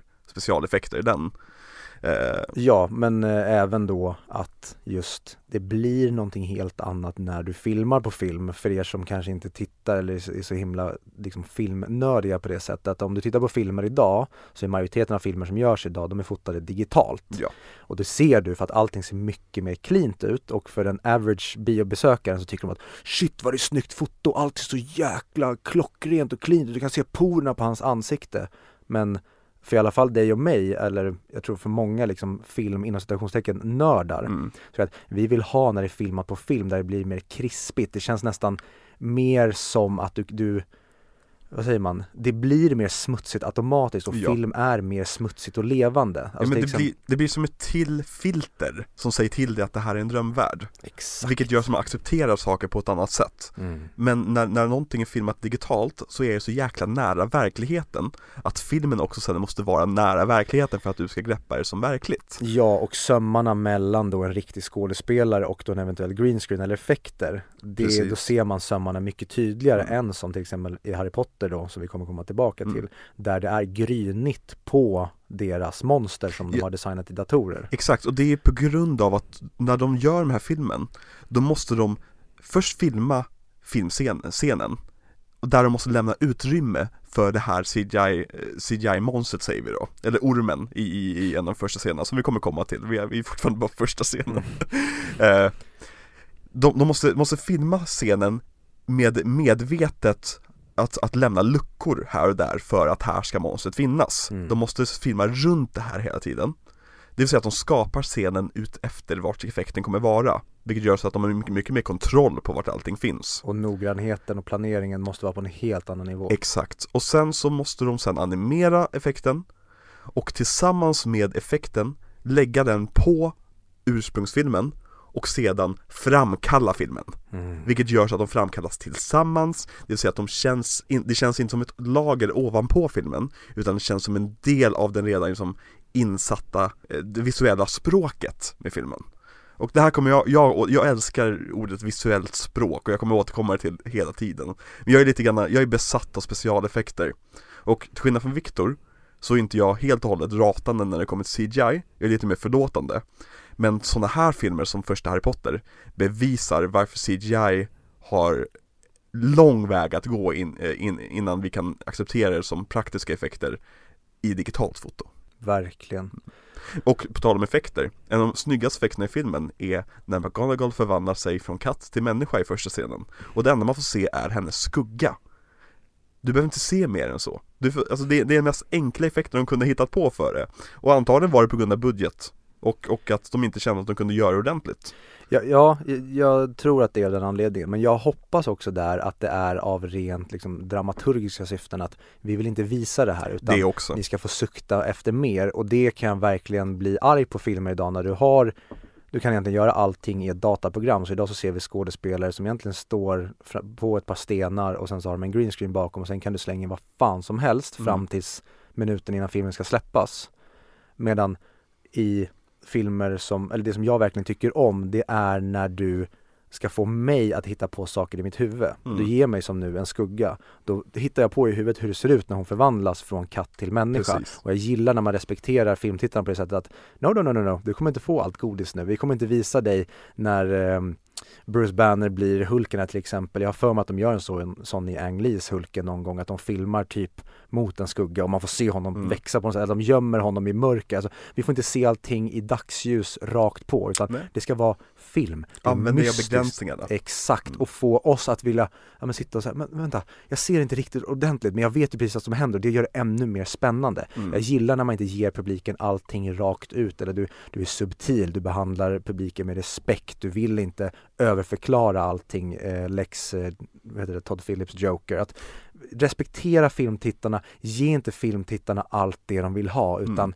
sukta dem hela tiden. Så det kommer sen och så kanske aldrig kommer sen och så får de bli förbannade på det men Mm. det är verkligen min typ av, det som jag älskar med film, det är när filmskaparna retas med oss. Mm. Bland annat. Ja. Eh, så McGonagall och Dumbledore och Hagrid. Hagrid blir väldigt ledsen för att han, han vill inte lämna ifrån sig Harry. Eh, antagligen för att hans bästa vänner precis blir mördade. Eh, men det visar sig att Harry är föräldralös och måste lämnas hos sina närmsta släktingar. Och det visade sig att eh, det var väldigt bra beslut av Dumbledore att lämna över honom till familjen Dursleys och inte låta honom bo med till exempel Hagrid som det kanske blivit om Hagrid hade fått som han ville att I can raise him. Precis. Nej, ingen ska uppfostras av Rubius Hagrid för det slutar sällan bra. Vilket är en annan grej vi kommer komma tillbaka till med karaktären Rubius Hagrid. Hur, Ja. mycket, ja, hur fel jag minns honom. Jag minns honom som mycket mindre en fuck-up än vad han faktiskt är. Ja, nej, han, han är en klumpedunst på många sätt. Men hur helst, han, eh, Harry Potter, lilla barnet, läggs på, på tra, eh, trappsteget eh, med, tillsammans med ett brev adresserat till, till Dursleys då. Kameran zoomar in över hans panna där han har ett blixtformat R som vi åker in i och sen kommer den stora titeln upp över skärmen där det bara står Harry Potter and the, and the Sorcerer's Stone om du, är- om du är i USA eller the Philosopher's Stone om du är i England då. Jag vill inte att vi pratar om The Sorcerer's Stone utan för oss är det bara The Philosopher's Stone. Filmen hoppar sedan 11 år fram i tiden och Harry bor nu under trappan hemma hos Dursleys. I sitt lilla skrymsle. Ja, och i en, vad ska man säga, ensam hemma doftande tagning springer eh, Dudley, hans eh, kusin blir det då, ja precis, Mm. eh, ner för trappan så att det kommer damm på Harry, vilket är bara en sån perfekt liksom, början på dynamiken mellan de här två personerna. Man förstår exakt vem Dudley är och man förstår vad, vad de har för relation till varandra. Ja, alltså jättebra för det är om om man då går tillbaka till böckerna. Mm. Att det är så himla alltså, informativt och det är så mycket som berättas genom att vi bara, eller J.K. Rowling, hon beskriver Harry Potters värld. Mm. Men du har inte den möjligheten i filmen. Det är klart du kan lägga en voiceover på men det är liksom by proxy den lataste vägen du kan gå för att liksom sätta en, etablera en filmvärld. Det är att du har någon And Harry was a little boy, lived with his parents. Bara, nej, det får du inte göra här utan du måste visa genom att berätta. Show don't tell och Precis. Christopher Columbus är jättebra på det I vissa filmer och sen så latar han sig i andra filmer För mig finns, han har bara gjort eh, Ensam Hemma och eh, Harry Potter-filmerna Ja. för att jag tittade på hans filmografi efter det. Ja. Eh, ah, Håll dig på de filmerna Ja. det, det är verkligen, Chris- okej, vi kan prata lite mer om Chris Columbus antagligen fler gånger Men han är ju en sån här filmskapare som, jag älskar honom för det bra han har gjort Men det dåliga han har gjort är verkligen så här. Ah. The Ja. Bicentennial Man, den såg jag någon gång när jag var jätteliten. Och blev typ rädd för hur Robin Williams såg ut i den. Eh, Men hur som helst, det är Dudleys födelsedag. Och han är otroligt tacksam för presenterna han fick. Ja. Speciellt antalet presenterna. Och jag tror att alla, alla här har ju, alla som lyssnar på den här podcasten har sett filmen. De vet exakt vem Dudley är här. Men bara hur han How many are there? Precis But last year, last year I got 37! 36, counted them myself. och där, alltså jag minns ju framförallt barnskådisarna i framförallt ettan Ja. som att vi accepterar dem, de är Mm. inte bra. Men herregud vad duktiga alla, den enda Nej just det, hon är ju, jag tänkte säga den enda som inte funkar, det är Ginny, men Ginny är med i tvåan. Ja. Hon är liksom en pytteroll i den här. Men verkligen, alla är så jävla bra och det Mm. verkligen höjer min respekt för Chris Columbus f- verk. Alltså, bara Dudley, hur, hur han verkar liksom förstå, nu är det ju förmodligen Chris Columbus som bara har liksom, vad säger man, puppet masterat honom till att leverera exakt det han vill ha. Mm. Men han är så jävla bra i rollen som Dudley, Ja. den här riktiga jävla snorungen.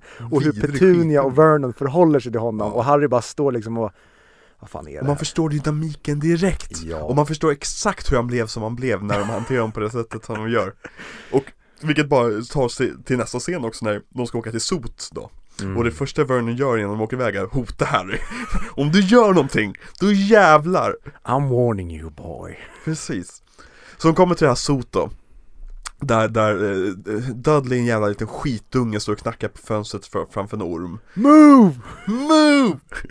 Men Harry blir knuffad och helt plötsligt försvinner glaset eh, Och Dudley ramlar ner i or- ormgropen, det där lät fel I, i, I ormdammen, I ormens inhägnad, där den kissar. Kissar ormar? precis Eh, Nej. Det gör, de dricker ju Då Men måste de ju svettas de ute eller svettas ormar? Skriv in till oss på audiovideoklubben at gmail.com om du vill prata med oss om huruvida ormar kissar Minns du för övrigt att jag hade en orm? Som från början, jag fick den av en skola, för jag ville ha en orm efter Harry Potter. För att jag tyckte ormar var skithäftiga då, eller tanken på ormar var skithäftiga för att jag tyckte att Slytherin var så jäkla häftiga Mm. och ja men basilisken och det. Så fick jag en orm som en eh, skolklass hade haft, som hette Morgan. Men jag döpte om den till Nagini. Men jag glömde alltid bort att jag döpte den till Nagini så att varje gång jag pratade om den så sa jag Morgan alltså inom familjen så att jag var väldigt dålig på att hålla mig till det jag hade döpt den till. Men det slutade med att jag tyckte inte alls om ormar. Jag var jätterädd för ormarna för jag glömde alltid stänga buren och slutade med att han hade rymt och så låg han i mina leksakslådor. Och Det här med att, minns jag inte alls är det sant? Hur länge hade du det här? Något år? Okej ja. Mm. Jag kanske förträngt det Eh, ja, det kanske var med om någonting. Mm. Eh, anywho. Ormen eh, rymmer i alla fall ur inhägnaden Men hinner stanna upp framför Harry och tacka honom Och innan dess har Harry också pratat med ormen och ormen verkar förstå honom Mm, så bra foreshadowing till tvåan. där. Ja, verkligen det, Här märks ju att, att världen redan är färdig Mm. så att säga Dudley då inlåst, för glaset kommer ju tillbaka. Eh, Så Ja. Dudley inlåst och hans föräldrar får panik. Och Du- eh, Vernon kollar ju elakt på, på Harry. För Vernon vet ju exakt vad fan det är som försiggår här. Ja, och Harry sitter ju och garvar. Ja precis, exakt. Eh, Kul för övrigt är att det här kan ta ganska lång tid innan det sker i boken. mm, Men jäklar vilket tempo filmen har. Ja, Och det minns jag att vi klagade på när vi var små, att så, här, "Ja, men det här går för fort, det här händer för tidigt, eller till exempel som på Sot, då har ju eh, Dudley med sig sin bästa kompis, Ja, men han är precis. inte med. Och det är också en grej som jag störde mig på så mycket när man var liten och såg filmer, att så här, så här är det inte i boken, Mm. men sen ju äldre man blev förstod man att just det, man knyter ihop, man ger liksom, man slår ihop karaktärer, man skär bort saker Ja, men- som inte fyller liksom en dramaturgisk funktion. ja men så här, filmskapande är ju mer än att berätta en story från A till Ö Mm. Alltså det handlar inte bara om att så här och sen händer det här, och sen händer det här, och sen händer det här. För då kan man lika gärna läsa en fucking Wikipedia-artikel om det. Mm. Medans en filmskapare ska också göra så att det känns bra att kolla på filmen, att det är bra tempo. Och den här filmen har tempo out the wazoo. Den, den rör på sig som satan. Mm. Sen åker de hem, och Harry blir då bestraffad. Eh, han får Han blir instängd under trappan igen. Ja, Men, kul, kul för övrigt att Petunia bär Dudley. Ja, ja men det är klart Det är en så jävla grym detalj att det är liksom lilla bebisen som hon har, men han är Precis. stor som en jävla gorilla redan då. Mama's little baby, baby boy Mm. mm. Åh, fan jag hade typ velat ha bara en dramaserie med Dursleys. Living with the Dursleys ja, år, alltså Harrys år 1 till 11, Mm. så ser hur hans liv var med de skådisarna, för jag Oh, ja. älskar verkligen dem. Eh, Men eh, när de är hemma då igen så börjar brev komma upp, komma hem till Harry och Ja, han får ju ett brev och så ska när de, han ger ju ut posten vid Ja precis, han märker att det är till han själv. Och sen så reagerar de på, och så tar de brevet ifrån honom när de inser vad det är för någonting. Exakt. Och då börjar ju Vernons paranoia, som jag tycker är väldigt synd, vi kommer komma in på det här, min Ja. högsta dröm, så att om jultomten, Gud, Jesus, alla ni som påverka den här världen, Joe Biden, Stefan Löfven, Magdalena Andersson menar jag, eh, alla ni som kan liksom ändra och flytta berg här i världen, är det någonting ni kan ge mig nu eh, som skulle göra mitt liv eh, perfekt, det är ju att ni ger mig en eh, Benioff och Wise, alltså de som hade hand om Game of Thrones tv-serien, ge mig deras Harry Potter tv-serie, gärna HBO Max eller vad säger man, gärna att den från början är liksom under vingarna på HBO. För den här världen, de här böckerna är som gjorda för en tv-serie. Ja, För att just när Vernons paranoia börjar. Bara det i sig, ett avsnitt, hela den delen från när breven kommer fram till att de är ute på ön när Mm. Hagrid kommer. Och bara få uppleva hur Vernon blir när han blir galen i huvudet, vilket de, det går väldigt snabbt i filmen, men just i boken att han, han kör på bilvägen och sen bara helt plötsligt så svänger han och åker i motsatt riktning och bara haha, jag skakar av med dem när han tror att de, de är ute efter dem. Det är Ja. så underbart. Exakt Det dyker upp väldigt mycket brev adresserade till Harry Potter Levererade av ugglor Mm. Det kommer ner ur skorstenen Det kommer in genom eh, portinkast, eh, brevinkastet eh, Även när de har spikat igen det Öppna spisen. Öppna spisen, alltihopa eh, Jag tror i boken så dyker den även upp typ i mat och grejer Alltså att brev dyker upp på konstiga ställen Ja, och jag vet att det är en bortklippt scen när Petunia knäcker ägg. Ja men och precis, hon öppnar exakt. äggen och i Det är kanske äggen det jag är brev. tänker på. Ja, för det- jag kommer inte ihåg detaljen där hur det var nu i boken, men det är ju fler påhittiga grejer som, Ja men exakt där de dyker upp. Det är i alla fall, någon försöker kontakta Harry med, med de här breven och ger inte upp så de flyr till en, en, en stormig ö mitt ute i havet ser det ut som Där, där Vernon har lyckats hitta avskilt ställe och känna att äntligen här är vi lugna. Men så en natt, på Harrys elfte födelsedag Så knackar det på dörren. Och in kommer en stor, hårig trollkarl Jag skulle säga att du, du knackar på dörren, någon välter dörren. Ja, precis. Fast han börjar med att knacka på dörren Ja, Han är, börjar som en artig eh, halvjätte. Ja, precis, exakt. Och in kommer då Rubius Hagrid, den här karaktären vi såg leverera Harry i första scenen. Och eh, han, han lägger korten på bordet helt enkelt, säger att eh, du, eh, you're, you're a wizard Harry. Harry svarar, "Eh, you're a Harry wizard. Eh, och jag får reda på att dina föräldrar dog inte i en bilolycka, de dog på ett annat sätt som vi kommer komma Lily and. James Potter died in a car crash! That's an outrage! Exakt. That's a scandal! Och eh, han får reda på att han är trollkarl, eller har trollkarlsblod i alla fall. Eh, och eh, han är inbjuden till att börja på trollkarlsskolan, Hogwarts. Eh, Grisvårta. Precis, Jag gillar att exakt. de har döpt skolan till det. Ja, nej, men det är väldigt brittiskt. Verkligen. Eh, Det vet jag var en grej som jag störde mig på i början med böckerna. mhm. Det var att allting, det, ingenting hette liksom coola grejer utan allting är lite lökigt. Men jag tycker det är mysigt. Det är perfektion, men där och då så tyckte jag att det var så, men det här är inte coolt. Det, hjälten kan ju inte ha, vara liksom benig och ha glasögon, det funkar ju inte. Han ska ju vara som liksom Hercules, han ska vara stor, alltså Du ville att han skulle vara Anakin Skywalker. precis, det var ju lite det, det var ju Luke Skywalker jag hade liksom som min hjältebild som jag var uppvuxen med. Och sen så idag så är jag ju, alltså, fooled me, eller jag blev fooled för jag förstår ju idag briljansen med det och jag är så glad över att man går den vägen snarare än att försöka göra någonting coolt. Precis. Men han blir i alla fall eh, kidnappad av Harry, eh, Hagrid. Nästa scen är väl egentligen att de är i, eh, de ska till dia, Diagongränden. Gud, nu minns, minns jag inte, men hur som helst, de tar sig in på The Leaky Cauldron helt enkelt. Ja, precis. Den läckande kitteln. Mm. Där, eh, och de går igenom där och alla där känner igen Harry och, och vill skaka hans hand och säga Åh vad skönt att du är tillbaka Och Ha- Ha- Harry undrar vad fan är det som försiggår egentligen? Men men okej Så de går och eh, ska köpa utrustning för den här skolan då som man ska börja på Eh, men inser att han har inga pengar Men Hagrid har svaret För det visar sig att Harry egentligen är snorrik och han har sina föräldrars förmögenhet liggandes i ett bankvalv. Så de går till Gringotts och eh, ska ta ut pengarna. Ha- eh, Hagrid ska även hämta någonting hemligt i Dumbledores ärende. För övrigt här när de kommer in, alltså bara på eh, The Leaky Cauldron där vi för övrigt får träffa Quirrell. Quirrell för första gången. Och där är också en grej jag kommer börja liksom ifrågasätta sen. Hur funkar det här med smärtan i Harrys ärr? Ja. Men det som jag minns nu när jag lyssnade på boken det är att där är inte Voldemort i Quirrellen.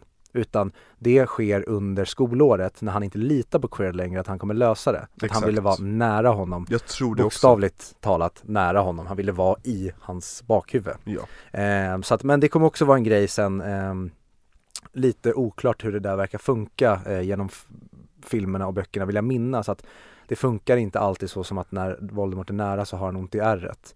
Men det är säkert någon Harry Potter-nörd som kan förklara exakt hur den typen av sensor fungerar helt enkelt. Säkert. Yes, men sen så får vi också se liksom, ja men några av de första magigrejerna som vi får se i filmerna när han då slår på tegelstenarna och Mm. vi får se bedrövlig green screen och CGI hur tegelstenarna flyttas. Eh, men sen som återigen till den praktiska briljansen. För att så fort vi kan då klipper vi över till en praktisk tegelvägg. Exakt. så att vi exakt. glömmer så, bort det. så vi säljer effekten. Precis. Och sen så får vi då se liksom du, du, du, du, du, du, du, du, du, och få se hela ja, Diagongränd som Ja. är ja, men en av de bäst designade platserna i filmen någonsin skulle jag säga. Ja. Det, det är ett med- perfekt filmsätt Och det Mm. bara myllrar av unga trollkarlar och vuxna trollkarlar och, och skyltfönstren är fulla av häftiga saker och saker som säger vänta, vad är det där för något? Det där vill jag se mer av Mm. Och så bara går vi förbi alltihopa och Ha- Harry ser en kvast, en Nimbus 2000 Mm. i i ett fönster Vi får se Hedvig redan där. Exakt, exakt, om det nu är Hedvig det är Ja men en vit uggla. en vit uggla, exakt Det är en kul grej är att produkt, eller säga produktdesignen, produ production designen på filmen, en av eh, hennes, vill jag minnas, des, eh, assistenter var tydligen en super Harry Potter-nörd, alltså på en sjuk nivå. Så det är på grund av den här assistenten som Diagongren är så detaljerat byggd med varenda litet namn på skyltar och sånt Mm. hur det ser ut. Så det, där gav production designen all cred till sin assistent till varför det blev så otroligt bra som det Ja. faktiskt blev. Och det borde de nästan fått en Oscar för om de inte fick det inte Ja det känns som att de verkligen borde i alla fall blivit nominerade eh, för det och liksom costume design och det för det är också återigen så viktigt här med Christopher, Christopher Columbus tänkte jag säga, Chris Columbus, eh, alltså han, hur han bygger den här världen. mm. Utan den här perfektionen i liksom konverteringen från bok till film då får vi inte det som vi får i resten av filmerna och de får verkligen till allt här när det kommer till världen. Så är det så här, Åh den här personen ser inte ut si och sådär bla bla bla. Ja man måste alltid tweaka och liksom ta bort och ändra saker i, när det kommer till filmer men det är få liksom konverteringar jag har sett som är så här otroligt bra och ändå trogna till grundmaterialet. Mm. Som, ja men Sagan om ringen är liksom på samma nivå. Du försöker göra allting så likt boken som det går och sen får du därifrån skära bort snarare än tvärtom. Du tar grundmaterialet och så bygger du någonting helt eget. Exakt Vi har de kom in på Gringotts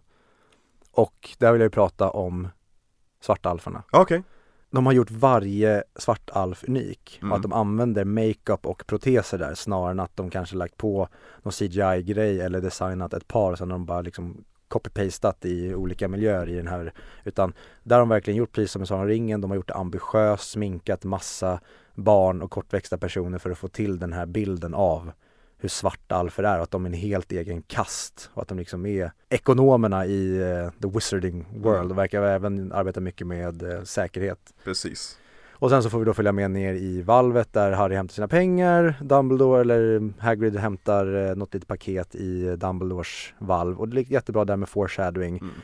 Harry får höra saker men återigen, han har ingen koll på den här världen. Mm. Så att han förstår inte än vad de här sakerna betyder utan det här är pusselbitar han sen kommer kunna använda när han lägger sitt pussel. Och det här är också så, det här är ju en, den enklaste storytropen någonsin Men just att i och med att Harry är ny Så kan han vara våran, Ja, han är ju våra ögon. han är våra ögon precis i filmen Varje sak som han tycker är nytt är också saker som vi tycker är nya Mm. Och vi behöver lära oss Som till exempel att vi får, när de är i eh, Harrys valv Då öppnar de dörren med en nyckel. Vi ser att det är så processen funkar när man öppnar ett personligt valv. När de sen kommer till Dumbledores varv Då är det att Svartalfen måste dra fingret på ett specifikt sätt för att den ska öppnas. Vi förstår direkt att det här är någonting annorlunda än ett vanligt valv. Och det Precis. skapar världen på ett, på ett väldigt bra sätt, man förstår skillnaden här, man förstår att det är någonting allvarligt med det här, med det här valvet. Det är Mm. någonting unikt och extra säkert Ja men verkligen. Och det är återigen kudos till alla detaljer. Mm. För att de gör allting så otroligt ambitiöst och majoriteten av allting som vi ser i den här filmen går att ta på. Och sen när, ja, nej men här behöver vi specialeffekter eller en green screen, ja men då får vi använda det. Eh, Efter det här så går ju då Harry och eh, Hagrid till Ollivanders Hagrid ska iväg på ett ärende Så Harry, får vara en, ensam eh, med att välja en trollstav Och här kommer då John Hurt Legendarisk brittisk skådespelare I en liten, liten roll Men en väldigt, väldigt viktig roll som Ollivander Där man får reda på att Trollstavarna reagerar olika på olika trollkarlar Beroende på vad det är för, för alla är uppbyggda av olika komponenter. Precis, exakt. Det är väldigt invecklat och detaljerat, vilket jag älskar. Mhm. Som s- skapar världsbyggandet väldigt mycket och det är inte bara att en trollstav räcker för alla liksom. Mm. Det, det, man måste ha rätt trollstav till rätt person. Men där får han reda på mer att, om, om Voldemort och, och att den här trollstaven som, som, som passar dig, dens tvilling hade Voldemort. Och det byggs upp lite grann det här att Voldemort kanske förde över någonting till Harry som sen återkommer längre fram i bokserien då. Eh, men väldigt magisk sekvens tycker jag. Eh, hur de liksom använder sig av ljus och vindmaskiner för att, för att det, det ska vara som det här, oh, det här Spielberg-momentet så att säga.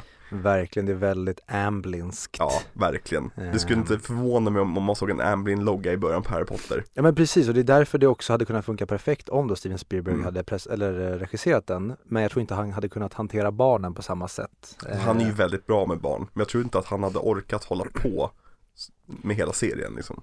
Min bild av honom, det här kan också vara fel, min bild är att han är väldigt eh, bra att integrera barn Mm. men att han kanske inte är lika duktig på att regissera barn. Mm. Alltså jag tror att Chris Columbus är mer liksom, han är mer nere med barnen och fokuserar på det. Jag tror Mm. Det Steven. Spielberg, han vill mer bygga liksom en värld på det sättet. Men ja, verkligen en Steven Spielbergs scen. Och kul där är att i böckerna, då är det mycket mer som effekterna blir senare på filmerna. Där blir det mer eh, liksom röda färger, liksom mer strålar, lite mer som när Voldemort och Harry möts på kyrkogården. Mm, Snarare än ljus och en vindmaskin. precis. Men återigen, där är man nere liksom på en tidnivå, det går inte att göra de här CGI-grejerna och det hade förmodligen sett för jävligt ut i den Exakt. scenen.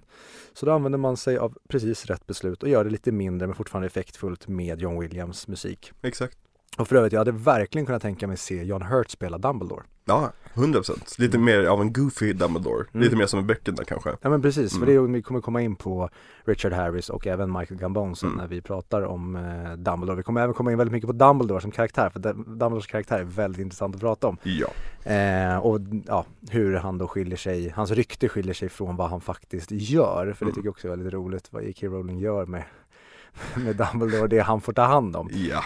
Eh, ja och sen så får han då sin trollstav som är liksom den Egentligen den, den viktigaste grejen och det, det är så briljant att de har de här enkla trollstavarna sen när du, man liksom skulle leka Harry Potter. Mm, För det är så lätt att bara hitta, du kan ha en gren exakt. för att många av trollstavarna ser bara ut som helt vanliga grenar som de har liksom tält lite på eller ja, den här var perfekt liten gren som passar som en trollstav. Så, Precis. ja, det är grym i leksakssyfte. Mhm. Eh, och sen dyker väl eh, Hagrid upp i fönstret där med Hedvig va? Exakt. perfekt i slutet av scenen. Och sen så efter det får ju Harry reda på egentligen från Hagrid att liksom, det fanns en ond trollkarl som hette Voldemort Mm. som dödade dina föräldrar och du stoppade honom och det är därför du är känd.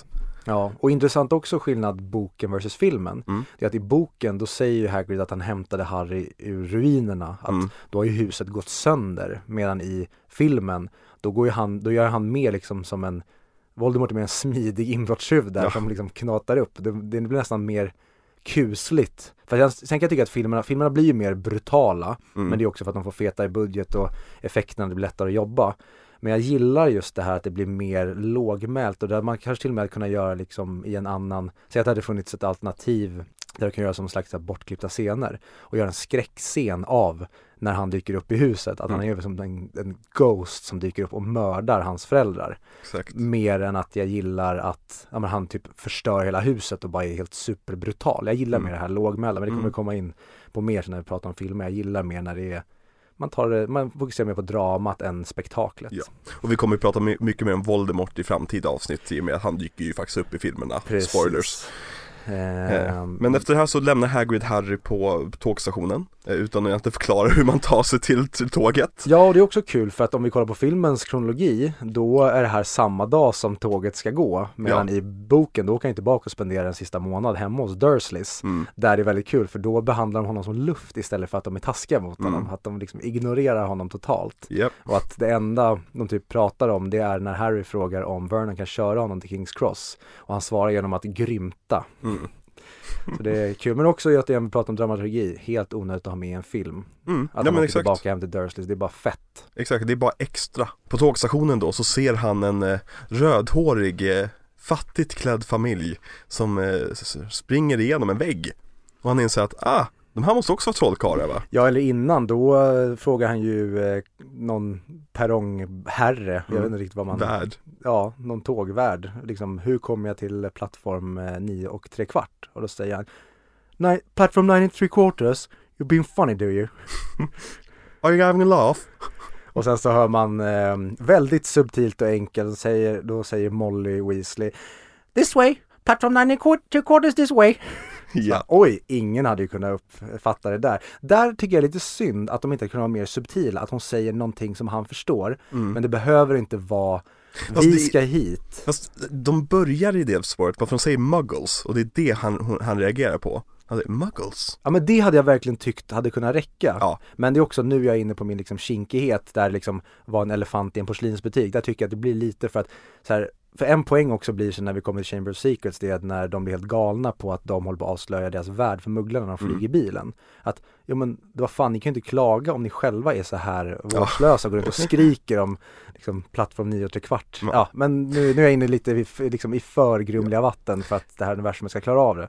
Men där intresseras vi i alla fall för Weasley-familjen Yeah. eh, Och Ron och Ginny och Ted och George och Ted Fred menar jag Jag tänkte Fred- säga det, sen vänta, jag reagerade inte för jag tänkte men det är väl något syskon som heter det. ja. Fred och George och alla de här eh, Och eh, Molly heter hon väl, mamman? Mm. Ja, Molly Weasley är ju väldigt rar mot ha- eh, Harry för hon ser att han är helt borttappad Mm. Vilket får mig att tänka på så här, men om man är, eh, om man har mugglarföräldrar Hur fan hittar man till Platform 9 and 3 quarters? Får de lite extra instruktioner i sitt brev? Du, eh, det var faktiskt en grej som jag tänkte på också, att eh, hur, för Harry borde ju ha fått de instruktionerna. Ja men exakt, Men varför fick han inte de instruktionerna då, i, kan man ju ställa sig frågan. för att de hade skickat Hagrid kan man väl eh, argumentera för Och Hagrid glömde bort att ge resten av instruktionerna Men då undrar jag om han hade svarat, så här, för han hade fått första brevet. Mm. Hade han bara suttit sen så här, jaha. Eller hade Hagrid kommit till Private Drive? Ja men precis, exakt ja. Ja, ja. Vi, vi går inte ner den vägen än Nej. tycker jag. För att de tar sig in på plattform 9 and 3 quarters Mm. och ser The Hogwarts Express Med massvis av eh, härlig rök eh, rykandes över hela plattformen och det, är, Mm. det är, man ser barn i, i dräkter hoppa på tåget med och säga hej då till sina föräldrar och Harry hamnar på tåget och eh, sitter i samma kupé som eh, Ron då som är ja, ett av Weasley-barnen eh, Som också är, ska börja på Hogwarts. Och de två blir väldigt snabbt vänner i och med att Harry köper allt godis från vagnen. Eh, Och Ron pratar lite grann och informerar honom lite, lite olika liksom, koncept kan man säga. Som att det här är en hoppande groda Den, den lever, den kan bara hoppa en gång. Eh, Det här är korten man samlar på och så vidare. Godiset där alla godis smakar olika saker. Och det är liksom bara världsbyggande, världsbyggande, världsbyggande.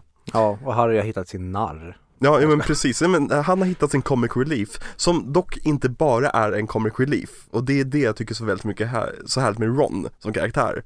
Att han hade så lätt bara kunnat bli den skojfriska Men han är egentligen den som klagar på allting Vilket gör honom rolig på ett annat sätt än om han hade bara dragit skämt Ja, och han är ju ofta den som kanske tillsammans med Harry, alltså ifrågasätter vissa saker. mm. Till exempel tar regler och hur olika saker behandlas. Där kan ju de liksom sätta fingret på, men varför är det så här? Mm. Där Hermione kan vara liksom den som, nej men käften bara, nu följer vi lagarna Exakt. och reglerna. Men de är med sen, fast det kanske inte är det rätta att göra alltid. Ja, och på tal om Hermione Så dyker Hermione upp i Mm. kupén och letar efter en groda som heter eh, Trevor Hon reparerar Harrys glasögon och i eh, samma ögonblick gör ett argument för varför Weasley ens ska vara fattiga Om man nu kan reparera allting Precis, och det är också lite där, hon kommer ju in i scenen med när Ron ska eh, trolla på Scabbers. Mm. Och liksom så här, You're doing magic, let's see. Mhm. Och så suger han.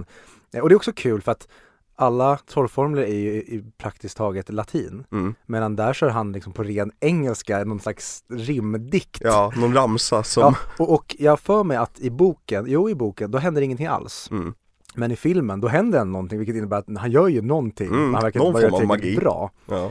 Eh, så det är en difference mellan boken och eh, filmen. Mm. Nej men Ha- Harry får då sina glasögon reparerade eh, av Hermione Väldigt snygg effekt. Och Hermione etablerar sig själv som klassens besserwisser. Sen så kommer de ju fram till eh, Hogwarts egentligen. De kliver av på stationen åker båten upp. En fantastisk scen när man får se slottet uppenbara sig Framför de här förstaårseleverna. Ja och i Hogsmeade där tåget kommer fram, Mm. där får vi möta Hagrid igen. Och där Exakt. får ju alla andra se Hagrid, återigen jättebra etablering av hur stor han är. mm. Att till och med Ron som är van vid den här magivärlden Att till och med han reagerar på wow! Precis, ja det är ju också så jäkla bra att han är där och man förstår ännu mer Hagrids roll Mm. på skolan. Och Robbie Coltrane är ju så bra Han är Förmodligen den, jag skulle säga det är den bäst castade, Ja. alltså bok till eh, film.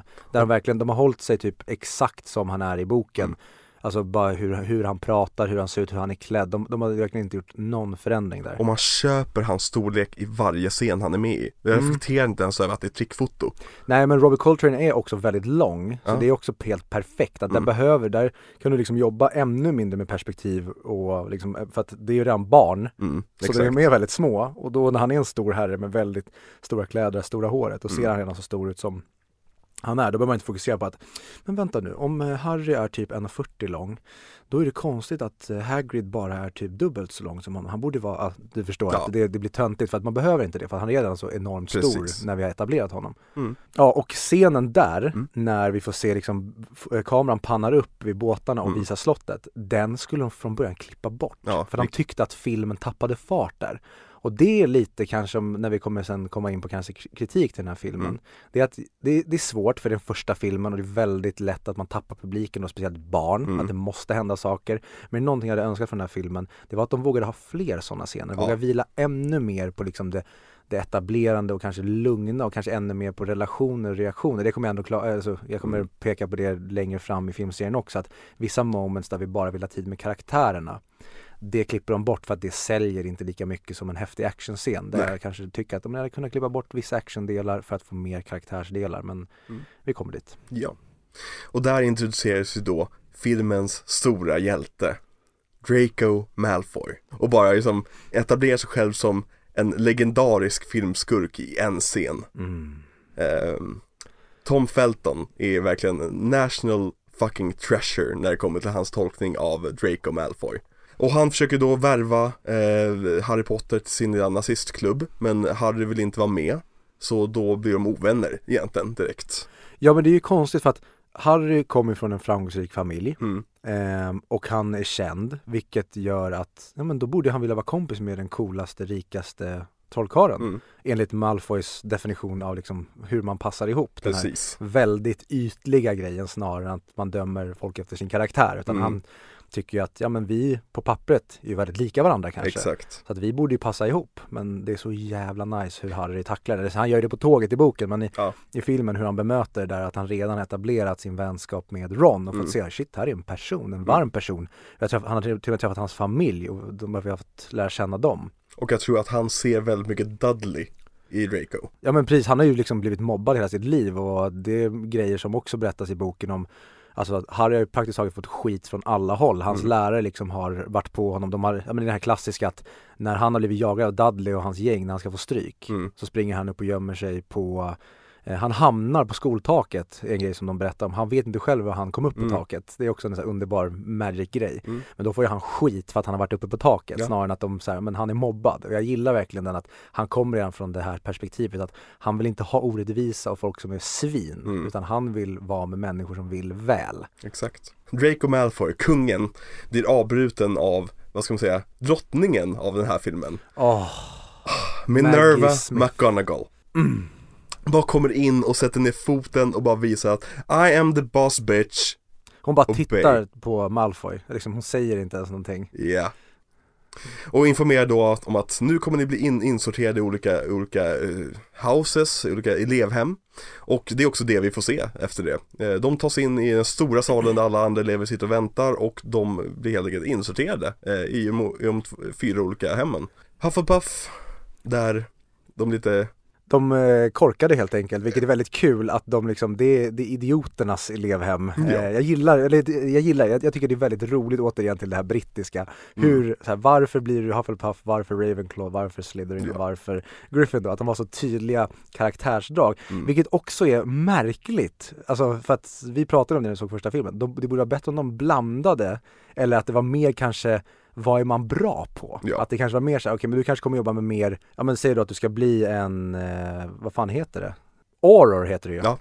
Eh, ja men att du ska bli liksom en eh, agent, att du ska bli mer en trollformelbaserad trollkarl. Ja men då Mm. kanske det ska vara mer tester på så här, men då hamnar du i elevhemmet. Det kanske är lite mer som en yrkesförberedande grej. Men det här är här- personlighetstester. Det här är personlighetstester, det är så jäkla roligt. Att, Och, och sen placerar alla med samma personlighet i samma rum. Det är ju som, det är, och speciellt med tonåringar, det är som, det är som gjort för att det ska bli dåligt. ja. Och vi har ju sagt Hufflepuff för de lite mer vanliga eleverna kan man säga. Vi har Ravenclaw för de, för de eh, skarpa, eh, de, de smarta. Eh, vi har Slytherin för de sluga och intelligenta. Och vi har Gryffindor för de modiga kan man säga. Men Slytherin får väldigt snabbt eh, stämpeln som där alla onda trollkarlar hamnar. Vilket så här, om du blir placerad i Slytherin som barn, har du något val än att bli liksom deras version av nazist? Där, där snackar vi liksom determinism. Så här, Ja, du, du har ingen kontroll över ditt eget öde. Nej nej, alltså Draco hade kanske kunnat bli en jätte, jättebra person om man hade- bara hade blivit sorterad in i Ravenclaw. Ja, och det är därför, det, det, så märkligt att det just liksom så här, ja ja, det här är ditt kast. Ja. Nu får du bara fortsätta, vi kan inte göra någonting åt det riktigt. Och här har jag en, en liten tanke, en kritik kan man säga. Om jag hade skrivit om det här, då hade jag gjort så att Hermione blev placerad i Ravenclaw och Ron blev placerad i Hufflepuff. Bara för att ge oss lite perspektiv från de andra husen. För jag tycker att de, det är nog J.K. Rowlings största misslyckande med den här bokserien. Att de andra husen inte riktigt finns. Alltså visst, vi får möta Cedric framöver som är en Hufflepuff. Vi får möta eh, Luna som är en Ravenclaw. Men det här är ju som bok 4 och 5 och det är typ en eller två karaktärer som är något annat. Resten är Gryffindors och de onda är Slytherins. Verkligen, och det är märkligt att då Hermione som är liksom skolans bästa elev, att trumfas då att hon verkar ha mer mod än Exakt. sitt plugghuvud. Eh, så det är verkligen någonting jag också hade velat se, för då hade det varit klockrent också med Malfoy Slytherin, Hermione Ravenclaw, Ja, precis. Ron i Hufflepuff och Harry Väldigt Gryffindor. tydligt Ja, uppdelat och, och där man kan verkligen pressa på de här olika skillnaderna mellan elevhemmen och, och karaktärerna och så vidare. Mm. Eh, men eh, de blir alla in, insorterade i Gryffindor. eh, Harry håller på att bli insorterad i Gryffindor, nej i Slytherin. Men eh, frågar om att få hamna i Gryffindor istället och eh, hatten bara, ja låt gå. Eh, vilket i sig får mig att ifrågasätta hela processen då. Om man, om man nu ska placera folk i elevhemmet där du praktiskt taget blir stämplad som ond. Men processen är så pass likgiltig att du kan fråga om någonting annat. Varför har så pass många barn blivit placerade i, i hemmet där de anses vara onda då? Men är det bara att Harry är ouppfostrad, den enda som varit så ouppfostrad att han har bett om någonting annat. Men hatten är, han är trött och lat och gammal, så han är bara så här Hufflepuff, att han bara drar, han, han gissar bara. Ja. Eller han drar liksom, och det är bara så här Malfoy, Malfoy, jag känner igen hans, ja just det, det är det, den familjen. Slytherin, Ja men typ, eller typ att han har sorterat så många personer att han tror, han kanske har konstig tidsuppfattning. Såhär, Malfoy, men fan, jag har för mig redan placerat Malfoy, Slytherin såklart. Liksom, och så vidare. Det är därför han placerar alla Weasleys i, i, i Gryffindor. Vilket, återigen, det känns som en Hufflepuff-familj. verkligen, det hade varit intressant, men då finns det säkert de som skulle kunna säga, jo men då hade de här grejerna som kommer sen ruckats på. Att de behöver vara i samma elevhem på grund av A och B. Men eh, ja. verkligen, det är en grej som jag tycker hade skapat ännu mer ehm, Världen hade blivit mer levande om Mm. vi hade fått den grejen. Mer dynamisk kanske. Mm, Ja. Eh, John Cleesys spöke. Vilket är en sån här sak man glömmer bort nästan varje gång man ser den här första filmen tycker jag. Också kul det här, för det här känns verkligen som någonting som man hade kunnat skära bort, för det fyller ingen funktion Ja, i nej, nej. filmen överhuvudtaget. Men det är jag- setup för tvåan. Eh, det har du väldigt rätt i. Så det hade verkligen, och men jag kan tänka mig att John Cleese är ganska dyr. Jag tror att han går med på väldigt mycket så roliga grejer i slutändan. Jag tror hans agent gör det. Jag tror inte han har en agent. Eh, men hur som helst, de blir sorterade i olika, olika elevhemmen. De får gå till sina rum och där introducerar vi för tjocka damen som är mycket större karaktär i böckerna Mhm. än, än, än, än, i, än i filmerna. Hon castas väl dessutom om? Ja, jag tror det. I, i trean. Mm. När hon har lite mer, lite mer av en större roll. När hon gömmer sig där Sirius Black har Precis, eh, exakt. tagit sig in i slottet. Eh, och första natten så sitter ha, ha, Harry ensam och kollar ut genom fönstret och känner sig äntligen hemma för första gången i sitt liv. Även fast han är helt ensam rent Mm. fysiskt där. Och det är som vacker scen, han bara sitter och liksom ler och kollar ut genom fönstret. Mm. Och återigen tillbaka till det här med J.K. Rowling och förstå barn. Ja. Att, som alla barn, man känner att man inte passar in. Och sen när man hittar den miljön, det är så här, det är ju här jag ska vara. Det är det här som jag tycker är kul där jag hör hemma. Jag har varit i helt fel miljö hela tiden. Mm, Och det lugnet kan vara, ja men vad säger man, det är kanske är typ det viktiga som finns för ett barn. exakt, Liksom, I'm home. Precis. Och sen så börjar ju skolverksamheten kan man säga. Eh, första dagen så är Ron och Harry försenade sin första lektion. Vilket är väldigt kul. Eh, McGonagall är där och är en boss bitch. Eh, hotar att eh, sabba Rons liv genom att förtrolla honom till en klocka. Eller någon av er säger Någon av er, ja Så men det, en det är Ron, hon hade gjort det mot Ron. Och det är väldigt, eh, återigen man visar Rons karaktär där. Liksom, istället när hon förvandlar sig, då bara säger han Brilliant. Mm, verkligen, han, han är imponerad av det här ändå liksom. Ja. Och eh, Snape mobbar Harry på sin första lektion eh, i Potions. Eh, frågar ut de frågor han absolut inte kan svaret på. För att han, eh, han är uppenbarligen ett agg mot Harry. ja, hans farsa snodde hans bitch. Fast det vet vi inte än. Fast jag vet det nu. Ja, du vet det. Men det är också kul att det inte hade etablerats än. Mm. Eh, men det får vi veta i tvåan har jag för mig. Varför? Mm, nej, trean. Nej, det är ettan eller tvåan. Så man får veta ehm, att James räddade livet på Severus. För det är den första anledningen till varför han hatade honom. Det kanske är boken, för det hände inte i filmen. Nej, det är boken. Ja, okej, Ja. ja. Ehm, och eh, sen så har vi den här magiska scenen när, när ugglorna kommer med posten Mm. och Seamus har uppenbarligen fått fel trollstav Ja, för han får allting att explodera. Jag vet inte varför ingen reagerar. Eh, men Ron och, Herm- Ron och eh, Harry och även Hermione som sitter bredvid dem får reda på att det har varit inbrott på Gringotts och någon har, ta, någon har försökt ta det här som Hagrid hämtade ut. Och, de, och eh, intrigen börjar tätna helt enkelt. här börjar egentligen plotten dra igång. Ja. För här är första gången vi får någonting som hänt tidigare och det liksom knyts tillbaka till och det börjar ett mysterium. Vad är det som Precis. sker här? Men den här scenen följs sedan av världens sämsta kvastlektion. Där Madame Sprit, eh, ja praktiskt taget, vad ska man säga, endangerment of children eh, är väl hennes eh, ledord. Att hon liksom låter de här eleverna som aldrig har rört en kvast få liksom, hålla på med flygande eh, kvastar och, och sen så lämnar eleverna ensamma när en av dem skadar sig på grund av att han gjorde exakt det hon sa att han skulle göra. Precis, för det är det. Jag, hade ju, jag minns det som att de står där och Neville bara börjar flyga Mm. och hon reagerar. Men hon har ju faktiskt blåst i visslan att de ska göra det, så han är den enda som gör rätt. Exakt. Men hon reagerar som att han gör fel. Och det värsta är att när han börjar flyga upp, det är det, hon hjälper honom inte. Har hon ingen liksom så här, eh, vad heter den, eh, eh, Incantanta in, eh, Infinite eller vad fan heter, alltså den här som avslutar en trollformel. Kan inte hon bara använda den mot honom? Eller flyga upp själv och hämta honom eller någonting? Det känns verkligen som att hon såhär, jaha, han är där uppe nu, okej, ja men vi får se hur det här slutar. Ja, precis, inte bara såhär, eh, Granger, ge mig din kvast och hon bara åker upp fem meter, tar Precis. med honom ner. Exakt. Ja, det är väldigt kul. Ja, det är, för, för jag vet att i boken, då har det varit en lektion tidigare där någon har skadat sig. Mm. Och då säger läraren eh, till några elever, ta med honom, till, jag tror att det är Neville Mm. då också, Antagligen. ta med honom till eh, sjukhusflygen. Mm. Men sen på Madame Hooch eh, lektion, då struntar hon i det utan då är det hon själv som ska ta med honom till sjukhusflyget och lämnar ungarna kvar med kvassan så här. Hmm, det här kommer nog aldrig kunna hända igen. Japp. Och Draco börjar ju bli Draco ska hålla på och mobba Neville som inte är där längre Men Harry tar ändå illa upp för han eh, Han, förs- han försvarar de svaga. Ja men precis exakt och följer efter Draco som har flugit upp på kvassen För Draco kan där med kvast tydligen sen tidigare. Ja, och hur eh, Tom Felton alltså, hanterar det bara han glider upp. Så bra! Han är helt jävla otrolig i den här filmen. Det här, man vill bara klippa till honom Mm. Det är liksom, det, och det är precis det rollen ska vara Eh, nej men eh, Harry besegrar Dra- Draco, eller besegrar, Draco kastar iväg med, med eh, Remember Allet, minns alltet som är Nevilles lilla leksak. Eh, Harry lyckas fånga den precis innan den kraschar in i väggen och McGonagall ser det här. Det är hennes fönster väl han utanför Ja i men filmen. typ.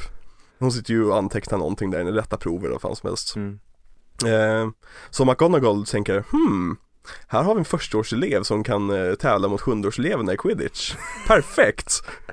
Eh, vilket får mig att, okej, vi ska inte gå in på ologiskheter allt för mycket, men det är väldigt stor skillnad mellan en 11-åring och en 17-åring när det kommer till fysiskhet, När det kommer till allt. när det kommer till allt. Att sätta en 11-åring som den viktigaste positionen i ens lag är ju verkligen när de ska tävla mot 17-åringar, det, det är lite dumt, tycker jag. Men det, o- det okej. enda som talar för det, Mm. det är ju att en sökare ska vara liten och smal. Exakt. Men fortfarande att du ska ha resten av då egenskaperna för att kunna äta, alltså, fånga upp den här, se kvicken, jaga den och vara bättre på den än kanske då en liten och spinkig 17-åring. Precis, exakt. Då måste du kanske vara the chosen one. Mm. Ja, just det. Jag glömde det. Harriet är ju det. Eh, men Hermione informerar i alla fall eh, Harry om att James Potter också spelade quidditch faktiskt. Just det. Ja, det ligger i dina gener, eh, i ditt blod. Ehm, eh, men på vägen hem den, den dagen så hamnar Harry, Ron och Hermione på villvägar i och med att trapporna ändrar skepnad. Och de hamnar på den förbjudna korridoren på tredje våningen. Och där blir de skrämda av Finches katt. Till den grad att de inte springer tillbaka ner för trappan de precis sprang för. Och sen så tar en annan trappa hem. Ja, Utan Mr. de springer- Mr. Filch katt. Ja, vad sa jag? Fincher. Ja, Fincher, Mr. Filchs katt. Eh, Mrs. Norris heter den. Ja. Eh, så de springer längre in i korridoren och hittar ett rum där står det en gigantisk hund med tre huvuden. Och här är det också en sån här grym grej ehm, där man tagit från böckerna för Mm. att de här grejerna sker ju i olika etapper. Så Mm. de har slagit ihop de grejerna att det går, för så tidigt hittar de inte Fluffy. Nej. Utan det kommer senare och för de är väldigt mycket mer i böckerna ute och ränner på nätterna Precis. i olika etapper helt enkelt, i olika kombinationer. Och det är också klockrent att bara säga vi tar det första som händer, de går vilse och de hamnar där för de vill inte hamna i trubbel. Ja, precis, exakt. Så de blir utelåsta ehm, från ehm, the common room eller från eh, deras torn. Mm. För att, eh, också så jävla rolig detalj i böckerna, för att tjocka damen inte är i porträttet. Mm. Hon är någon annanstans. Och det är såhär, synd, du kommer inte in. Exakt. Ja gud, det är så bra detalj. Mm. Ja. Men hur som helst, de såg att den här stora hunden stod på en fallucka. Ja eller Hermione ser det, för eh, Ja. hon säger, såg inte vad han stod på? Då är det så en skön kommentar så här, nej jag hade fullt fokus med att fokusera på hans huvud. Ja. Och Hermione fäller sin egentligen legendariska kommentar. Eh, We could get killed, or even worse, expelled. Ja. Och Ron säger, hon måste verkligen få koll på sina prioriteringar. Japp. Eh, och eh, egentligen det som händer efter det är då att Harry får en lektion, lektion i dålig säkerhet av eh, ledarna av quidditch-laget som heter Wood. Där de går igenom här bizarra, bizarra reglerna i quidditch. Men jag tänker vi kommer tillbaka till quidditch lite längre fram. Precis, för det är ju matchen. en sport som är påhittad av någon som inte förstår sig på sport. Men, ja, eh, det, det, låt, det känns som det i alla fall. Men eleverna har, har en lektion med Flitwick, eh, Warwick Davis karaktär. Ja, han spelar ju för övrigt, eh, jag vet inte om det är Griphook eller den andra svarta alfen i eh, Gringotts. Eh, Mm. Någon av dem. Jag tror att det är eh, Griphook väl som sitter vid, eh, ehm, ja men som de går fram och lämnar nyckeln till. Mm, Som säger Mr Harry Potter. Så han som är, ja han som har replik, för den andra går väl bara och öppnar dörrarna va? Pratar han ens? Ja, precis exakt. Han har väl något namn i böckerna I guess. Mm. Men eh, på den här lektionen då så får vi den här vad ska man säga, numera klassiska sekvensen med Wingardium Leviosa. Och jag tror att alla barn som läste den här boken och såg filmen har någon gång suttit med en pinne och sagt Wingardium Leviosa. Ja men som i Star Wars, man allt, man, någon gång har man testat kraften. Precis, kan jag ta fjärrkontrollen med handen? Ja. Och återigen, Seamus har fel trollstav för han får fjädern att explodera. Snälla någon, hjälp honom. Jag kommer komma tillbaka till det här, precis som med Madame Hooch. Det är inte Madame Hooch vi ska klaga på i eh, flyglektionen. Det är hennes chef. Vem då? har, Albus Dumbledore Jaha, som, som har gett henne jobbet. Och det är samma sak här. Varför ser ingen till att eleverna har rätt liksom, saker? Hur Rätt kan de låta en elev gå en, ett helt skolår utan en penna? Ja. Jag har inte skrivit ner någonting för att min penna var trasig. Men varför gjorde ingenting, någonting åt det? Mm, Nej, de bara lät mig liksom trolla och trolla och trolla och liksom varje gång så sprängdes saker. ja. Men Hermione mästrar i alla fall Ron på den här lektionen och Ron blir så sur att han börjar, börjar snacka skit om Hermione bakom hennes rygg. Eh, Ja. och hon hör det och blir väldigt, väldigt ledsen och flyr iväg. Och samma kväll är ju då en stor halloweenfest i stora salen och de märker att Hermione inte är där. Eh, I böckerna tror jag att man får höra att någon berättar att hon sitter och gråter. Men det säger de i filmen också, någon säger att eh, någon har sett henne sitta nere på flickornas eh, toalett och gråta. Okej. Eh, för annars så får in- inte de reda på att hon befinner Nej. sig där. Men in kommer i alla fall Professor Quirrell och skriker att A troll is loose in the dungeon! Och också kul detalj är att i böckerna då springer han hela vägen fram till podiet där Mm. Dumbledore och de sitter och däckar där. Mm. Men nu däckar han ju mitt mellan bänkarna, så när eleverna flyger upp, det enda jag tänker på är att aj vad folk kommer trampa på honom. Ja. och kul då om eh, Voldemort redan då hade satt sig på honom så att han sitter på bakhuvudet, så massa elever springer och trampar Voldemort i ansiktet. ja. Eh, så all, alla eleverna blir tagna i säkerhet förutom Ron och Har- Harry då som tänker att vi måste ju berätta det för Hermione. För hon har inte hört det här. Så de springer till flickornas eh, badrum där hon var. Men det visar sig att trollet redan har kommit dit. För han gillar också små flickor. Exakt, som Ja. alla internettroll. Ja. Eh, men Ron och, Ron och Harry lyckas besegra det här trollet via Wingardium Leviosa. Mm. Det är bra, ja, jag, jag tycker om så här smidiga och, och snygga setups. Att du, liksom, du introducerar en sak, en karaktär reagerar på en sak, på grund av att de reagerar på en sak hamnar de på ett ställe och sen löser det med samma sak. Mm. Det, är liksom, det är ett snyggt litet paket de här scenerna som kommer efter varandra. Ja men det är jättebra att eh, det, Hermione försöker lära Ron hur man gör Mm. och sen visar det sig att Ron räddar Hermione genom att han lyssnar på det som hon har sagt till honom. Exakt, exakt. Och det för dem närmare varandra hela den här scenen. För att jag, jag för mig i boken, då är det efter det här första gång, gången de säger att Hermione, alltså de tre är kompisar. Ja precis. För tidigare har Hermione bara varit en jobbig jävel som Harry också har varit jävligt otrevlig mot. För Mm. de har tyckt att hon varit skitjobbig fram tills det här. Vilket de inte riktigt tar med i filmen. Nej, men det är också svårt för du kan inte Nej. alienera någon av dem från början. Du måste föra dem samman snabbt. Exakt, vilket de gör också. Hon är med liksom när de, när de läser liksom om inbrottet på Gringotts och så vidare. Mm. Men på grund av det här så blir ju de goda vänner. Hade Stephen King skrivit det här så hade de blivit goda vänner på en helt annan nivå. ja. Men på grund av det här så börjar barnen misstänka att Snape har något fuffens för sig. För han går runt och hotar barn lite randomly och även eh, haltar. Eh, så de misstänker att han har försökt ta sig in eh, under Fluffy. Ja men de ser ju även när de kommer ner, eh, lärarna till han toaletten, då ser ju de hans sår på benet Ja, och då drar han för manteln. Jag vet inte om det är så här i boken, jag minns inte den detaljen. Men i filmen så är det väldigt tydligt att Mm. oj, han har blivit riven av någonting här. Just det, vad finns det? Ja just det, vi har ju mött på hunden tidigare. Så Exakt. förmodligen är det att han har försökt ta, försökt ta sig in förbi luckan. Och här börjar ju en gammal hedlig Hogwarts-tradition i att lärarna fuskar med poängen. För hon ger Ja. minus 10 poäng till Hermione. Men de väger upp det med plus 10 poäng till Ron och Harry.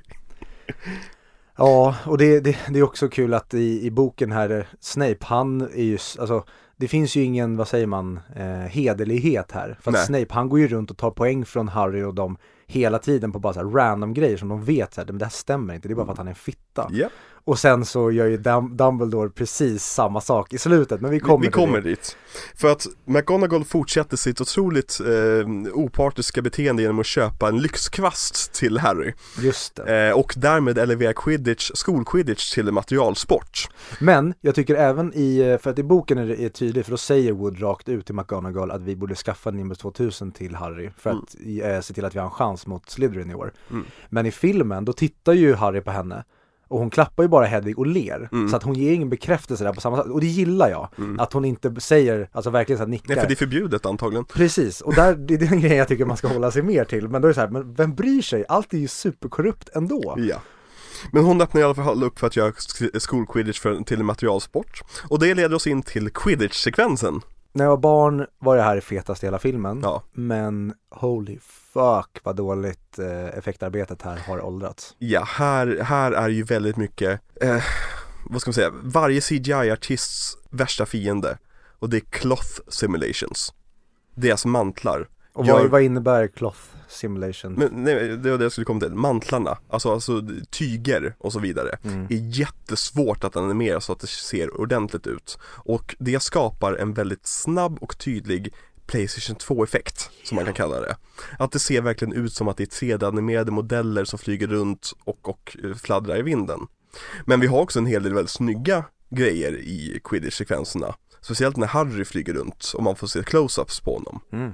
Eh, och det är lite så här green, green screenat och så vidare. Men det ser lite charmigt ut och det ser lite liksom, vad ska säga, äkta ut. Jo men de delarna alltså, funkar verkligen Mm. med att, vet, alltså man ser verkligen att det är en green screen bakom. Mm. Men det är just när de går över till att allt är animerat. Mm. För att framförallt människorna ser ut som att de är klippta direkt ur Toy Story 1. Mm. Att så dålig är kvaliteten på de här quidditch-spelarna som flyger. Även när de bara står cirkulerade runt när Madame Hooch ska kicka Mm. igång matchen. Det ser för jävligt ut. Men det vet jag även att Chris Columbus har sagt i, i någon intervju att det är den delen han är mest missnöjd med för Mm. att ja, där gick det inte att göra på något annat sätt för det Mm. hade varit för mycket eh, tid och pengar för någonting som egentligen är helt onödigt i filmen förutom att det liksom händer någonting i slutet av matchen som är för liksom plottens, precis det hade de kunnat korta ner mycket mer men i och med att vi inte vet vad quidditch är då måste vi etablera och visa en match. Ja. varför Madame Hooch domare? Och varför gör hon ingenting som domare? Går hon iväg och dricker?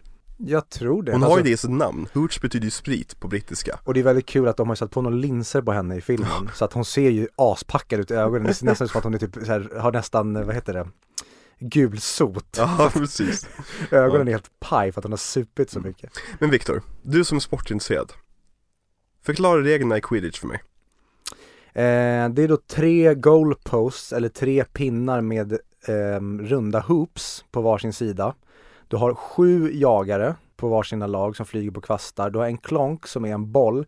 Bollen ska du kasta genom någon av motståndarnas tre ringar Mhm, och du får 10 poäng per kast du kör igenom. okej Du har en vaktare som då ska representera en målvakt som skyddar de här ringarna. Mm. Du har två väktare heter de va? Som då har varsitt eh, baseballträ som ska skydda eller skicka, det beror på riktigt hur, Hur man spelar hur mycket du vill vinna. Mm. Eh, så ska du skicka då en svart väldigt arg eh, självstyrande kula är de va? Ja, det är blyklumpar som bara åker runt Ja, och- försöker träffa folk helt enkelt. Det är Ja. väldigt ondskefullt och det, det måste vara så otroligt mycket skador inom det här. Och allt det här sker typ 20 meter upp i luften Precis, att man flyger runt på kvastar ehm, och sen så har du då en sökare som är en person som ska leta upp en liten guldig boll med vingar som flyger runt och den här ska du fånga och fångar du den då får du 150 poäng eh, och förhoppningsvis så leder motståndarlaget inte det laget med mer än 150 poäng för då förlorar ni. Mhm. Vad händer? Mm. Matchen avslutas när man fångar kvicken Precis, Ja. exakt. Och det, det som jag sa tidigare varför det här är liksom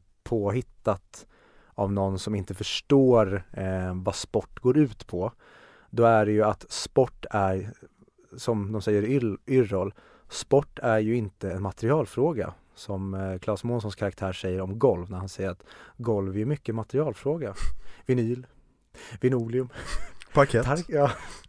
När han försöker, eh, ja, ni som vet, Ja. åldningsscenen. Ehm, men problemet är ju då att quidditch är ju, i alla fall vad vi förstår i tvåan, när, vi kommer komma till det när vi pratar Chamber of Secrets, men då får ju hela Slytherin-laget Nimbus 2001. Och lite det får vi se här redan nu i ettan när Harry får Nimbus 2000 för att det då ska dopa honom. Det är som att typ i hockey skulle personen som har bäst skridsko eller bäst klubba vara bäst. Eh, det hade inte riktigt funkat så för då vinner rikast och det är inte riktigt så sport funkar. Eh, idag kan du använda faciliteter och sådana saker för att förhöja saker men i slutändan så är det liksom din talang och din dedikation och din Mm. fysik och det, det, det är så sport avgörs.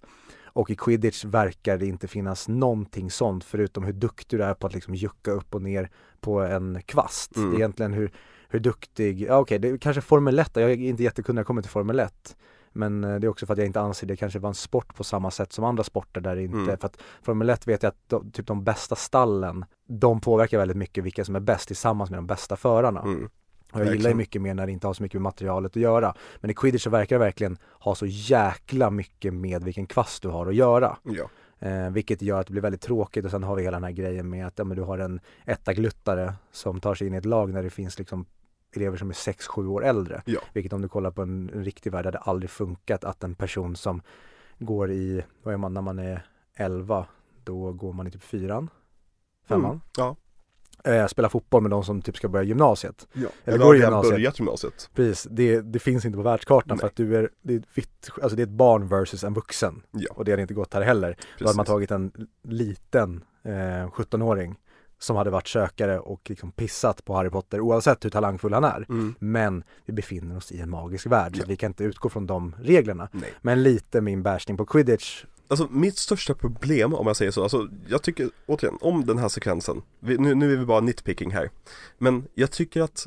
99% av matchen är meningslöst Alltså skulle jag vara en jagare i en quidditch-lag skulle jag känna varför gör jag ens det här? Allting kommer ändå hänga på liksom huruvida sökaren fångar kvicken Jo men varför, varför typ väck, eller väktarna, varför eh, sätter inte de sig bredvid, eh, typ eh, Fred och George här som är i Gryffindor Varför ställer sig inte de och tar en varsin, eh, vad heter det, goalpost? Mm. Så att de, har, de är tre på tre goalposts Ja, eller, eller skyddar Harry Ja men och därifrån kan de skydda så att allting handlar om defensiven. Släpper du inte in några mål och litar på att Harry är bra, då kommer Då är du din taktik. Precis. Nu känns det mest så här hux flux. Precis här, alla bara helt galna och förhoppningsvis så plockar en sökare kvicken. Ja, precis. Och folk ramlar ner från kvastarna och faller 20 meter och ja. Quidditch är egentligen typexempel på det här att när du börjar dra i trådarna så märker du hur det bara börjar tröjan går sönder, Ja. så att säga. Så jag tycker vi lämnar quidditchen, utöver det att under matchen så börjar Harrys kvast bete sig märkligt. Hermione säger att Snape sitter och pratar för sig själv. Så hon bestämmer sig för att tända eld på Snape och det blir lite kaos i det båset och förtrollelsen bryts. Och Harry fångar kvicken genom att ta den i munnen. Sa flickan. Ja. Och vinner matchen då åt Gryffindor. Och blir hjälte. Då börjar de prata om att eh, det var Snape som försökte sänka honom eh, Mm, och precis. de stoppade honom. Och Så- de pratar med eh, Hagrid. Hagrid om det här och han Exakt. säger att nej men han är en lärare, det är ju helt omöjligt. Bara, Men ha Hagrid, har du aldrig varit i den här världen Har tidigare? du träffat Dumbledore? Exakt, den här gubbjäveln är ju tokig i Han huvudet. anställer vem som helst. Och det kommer vi komma till, en, alltså verkligen superkvittot på det, det är ju tvåan Ja. han anställer Gyllenroy Lockhart Vilket är Eh, ja men så här, där förstår jag, sen kommer ju Lucius Malfoy med en petition där de ska sparka honom kan skydda eleverna. Alltså. Men jag- det, det, det är tvåan. vi kommer till tvåan, Men, men kommer, Hagrid försäger sig i alla fall och berättar om Fluffy och råkar nämna Nicholas Flamel Så nu har barnen ett nytt spår att ta Och det här är varför jag tror Harry Potter funkar så bra med barn För att hela Harry Potter-världen är fylld av saker som påverkar barnen Där de hela tiden kan få nya rörelser åt saker och ting. Ta en normal film så att säga, alltså en, ta ett drama. Amazing Spiderman. Nej, ta American Beauty. Jaha, där, för, att, för att du ska kunna komma vidare i plotten så måste du hela tiden säga Okej, men vad är den logiska händelsen av det här, den här scenen? Medan i Harry Potter, då kan det komma Och helt plötsligt fick Harry ett brev. Och helt plötsligt har de en lektion där de lär sig det här Eller de kanske sprang förbi Hagrid och lärde sig det här.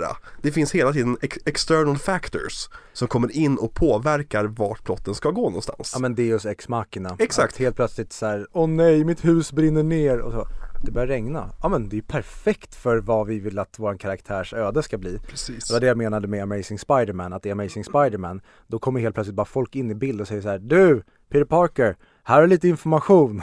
Och så Ja, alltså i, han i Amazing Spider-Man, då är det ju att Peter Parker vill egentligen inte vara en del av filmen. Så han letar ju efter folders hela tiden som kan distrahera honom från mainplotten. Ja, och sen när han sitter på ett tak och inte kommer vidare Då kommer hans farbror ut och säger Du, eh, Peter, du borde titta på de här grejerna Och sen bara, oj vad passande att det här förde oss vidare i filmen Exakt Och det är lite det som är här i Harry Potter Men i den här världen, i den här kontexten med åldern på de här karaktärerna Då funkar det perfekt Exakt För att i Harry Potter-världen, då kan vi ta in i princip vad som helst för att allt är intressant. Eller allt är inte intressant, men J.K. Rowling är så duktig på att liksom skriva fantasi att allt är intressant för att Mm. ingenting är andra likt. Och så fort hon etablerar eller introducerar någonting nytt då är det superdetaljerat och det finns som att, oj, ja men det är klart att det här har funnits hela tiden men vi har bara inte pratat om det. Nej.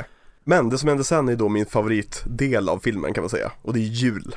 Jul på Hogwarts. Mm. Vilket säger, det varar 10 minuter i filmen Men det är tillräckligt starkt för att det ska sätta känslan som Harry Potter som en julfilm. Det här är en film som man ser om under jul, julhalvåret, så tänkte säga, julkvartalet, julmånaden eh, Många ser det varje år, det går på TV Varför är Harry Potter en julfilm i folks ögon? Är det just på grund av att man ser Hagrid släpa ett träd?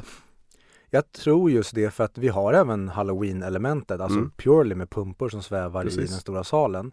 Men det är väl just att de får till alltså juldelen så otroligt starkt i kombination med att John Williams musik är väldigt julig skulle jag säga. Ja. Alltså väldigt många av spåren känns nästan som julspår. Mm. Så det är väl det jag kan säga, men det är också kul när folk säger att Harry Potter är en julfilm. Men det är en så otroligt liten del av filmens speltid som utspelar sig ens när det är snö. Ja Och sen så blir det väl, är det tvåan eller den här, där det blir ett väldigt tydligt hopp till att snön helt plötsligt är borta? Det är den här Just det. Det kommer dit. Eh, för att eh, under julen så brukar eleverna åka hem. Men Ha- Harry vill ju inte åka hem uppenbarligen. Och Ron stannar ju också kvar. Eh, på grund av att hans familj ska iväg på semester. Eh, till Bulgarien. Ja, de ska, eh, nej Rumänien. De Rumänien. ska hälsa på hans eh, bror Charlie. Exakt. Charlie. Eh, men eh, Hermione ger dem tipset att under julledigheten kan ju ni ta er till the restricted section. av biblioteket för att kolla om ni hittar någonting om Niklas Flamel där. Och Harry har ju fått eh, osynlighetsmanteln i julklapp. Vi kommer dit, för dagen efter är det julaftons, eller juldagen. Jaha, förlåt, jag trodde det var redan förbi julen. Och, och Harry har fått mjuka klappar och är över, överlycklig för han har antagligen inte fått en enda julklapp i hela sitt liv. Johan har fått eh, Vernons gamla strumpor vet jag. Kolla, du har koll på det här. Eh, men här får han då en osynlighetsmantel. Och det är väldigt bra för en person som gillar att smyga runt på natten. Det är nästan som att plotten vill det här. Nästan så att plotten vill det här. Det här hade potentiellt kunnat bli en eh, tidsvändargrej. Ja. Ehm, men jag tycker att de hanterar den så jävla bra. Mm. Just med den här grejen med att den är begränsad. Så att när de växer sen, att alla inte får plats under den. Så att den Det har är ju verkligen- mer i böckerna dock. Att de märker att ens fötter syns under och så vidare. Ja, de kanske det. inte gör det så mycket i filmerna. Nej, Nej okej. Nej men alltså bara som rent, ehm, vad säger man, som gadget. Mm. Jag tycker ändå de, de, det finns begränsningar med det även fast de ger, ger dem otroliga friheter. exakt. För- Och sen, sen kommer det visa sig också i bok nummer sju att, att det här egentligen är en mantel skapad av döden själv.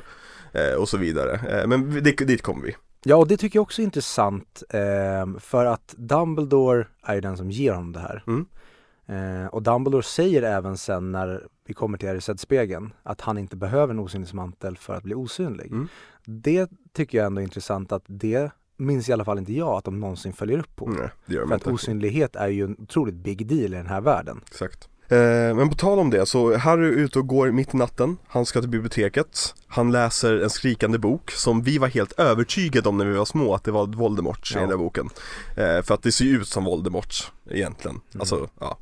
Men eh, på väg därifrån eh, så ser han Snape och Quirrell bråka. Och de står som två älskare i månljuset och eh, säger att om det inte är på min sida så är det mot mig och mycket så här generic grejer för att man inte riktigt ska förstå vem det är som är skurken. Ehm, För övrigt, jag älskar alltså den här typen att J.K. Rowling etablerade i första boken den här twist-grejen. Att vi så tydligt är vilseledda om Mm. vem som är the bad guy. precis. För att det, idag är det ju en överanvänd grej, framförallt inom film, att vi hela tiden förväntar oss en twist Mm, och att det som händer innan twisten inte håller då. exakt. Men jag tycker att J.K. Rowling i den här boken och även senare böcker där vi liksom tror att saker är på ett visst sätt och sen visar att de inte är det. Mm. Det håller för att läsa om det och titta om det Exakt. och jag gillar verkligen det i den här. Men Harry flyr därifrån för att eh, de får reda på att den lever uppe och så de springer iväg.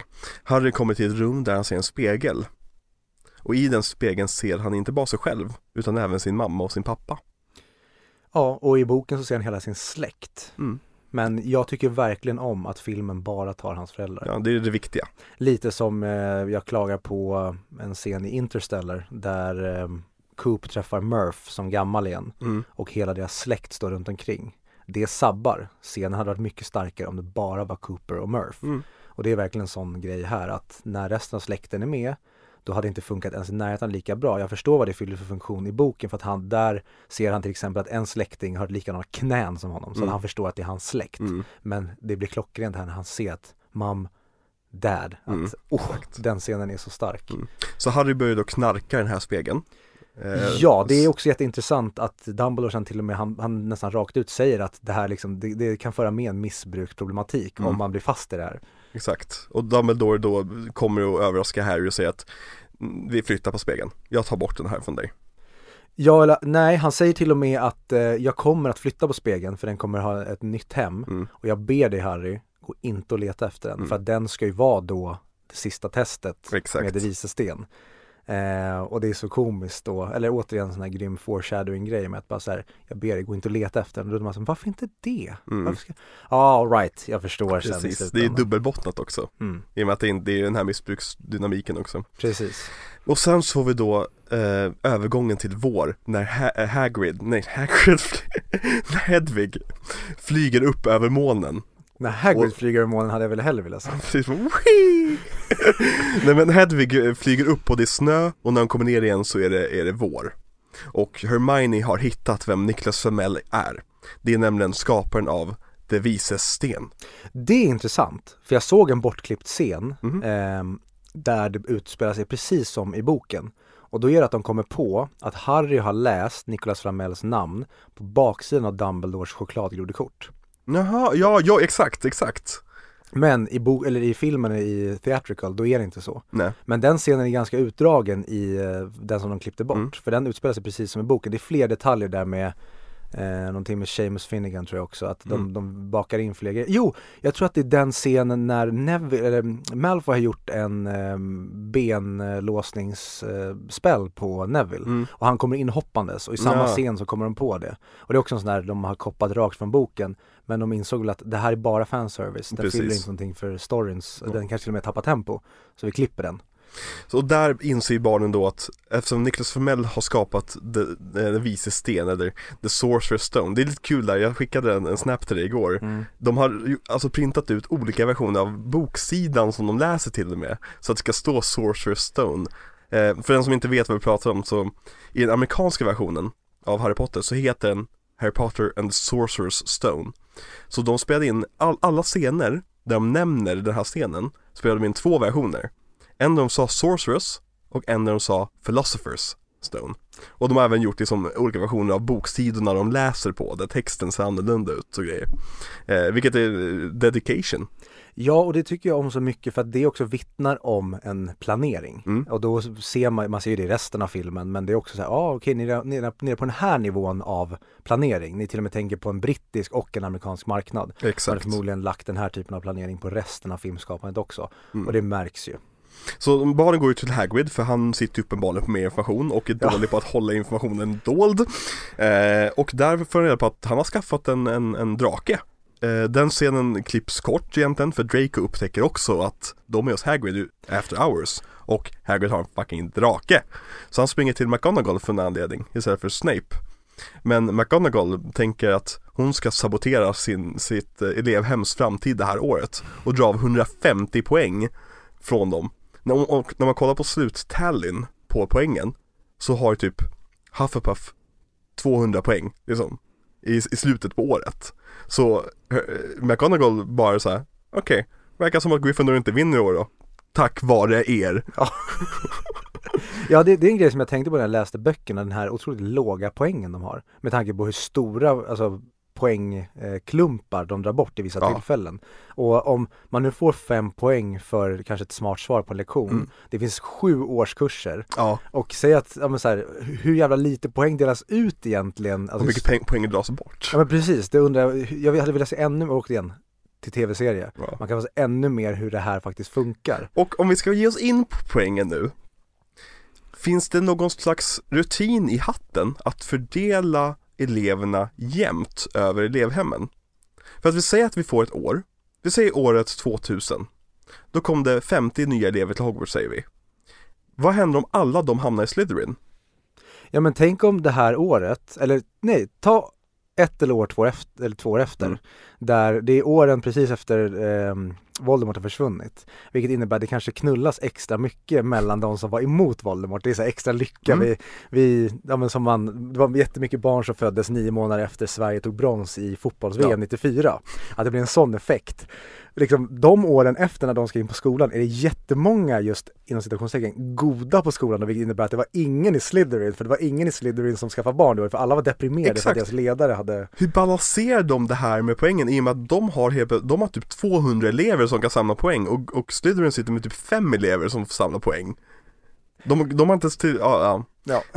Återigen, som sagt med Harry Potter Börjar man dra i tråden så kommer tröjan gå sönder Och jag älskar, som vi pratade om tidigare, det här med att vi älskar dålig film och vi, Mm. det finns ett nöje i det. Men det är också så himla roligt att när det är sådana här universum som är så jäkla bra, när man Mm. börjar dra i det och förlöjliga det, då finns det otroligt mycket roligt i det också. Ja men precis, och det, det är så Jag vill förtydliga för någon, om någon tänker så här, jaha de här hatar Harry Potter Alltså liksom, vi älskar det här, vi säger Ja. det här med kärlek Mm. vi, vi kan skratta åt det för att vi känner att vi skrattar med det Snarare än att vi skrattar åt det Jo men ingen kan ta ner det här. Nej, Det spelar ingen, alltså det är nästan som att vi blir liksom löjliga för att vi håller på att göra det här för att alltså verken har talat sitt tydliga språk. Det här är typ den största succén i historien. ja Men det är så roligt att det då går att liksom riva så mycket i det här och Mm. det är så himla roligt att göra det. Mm, verkligen.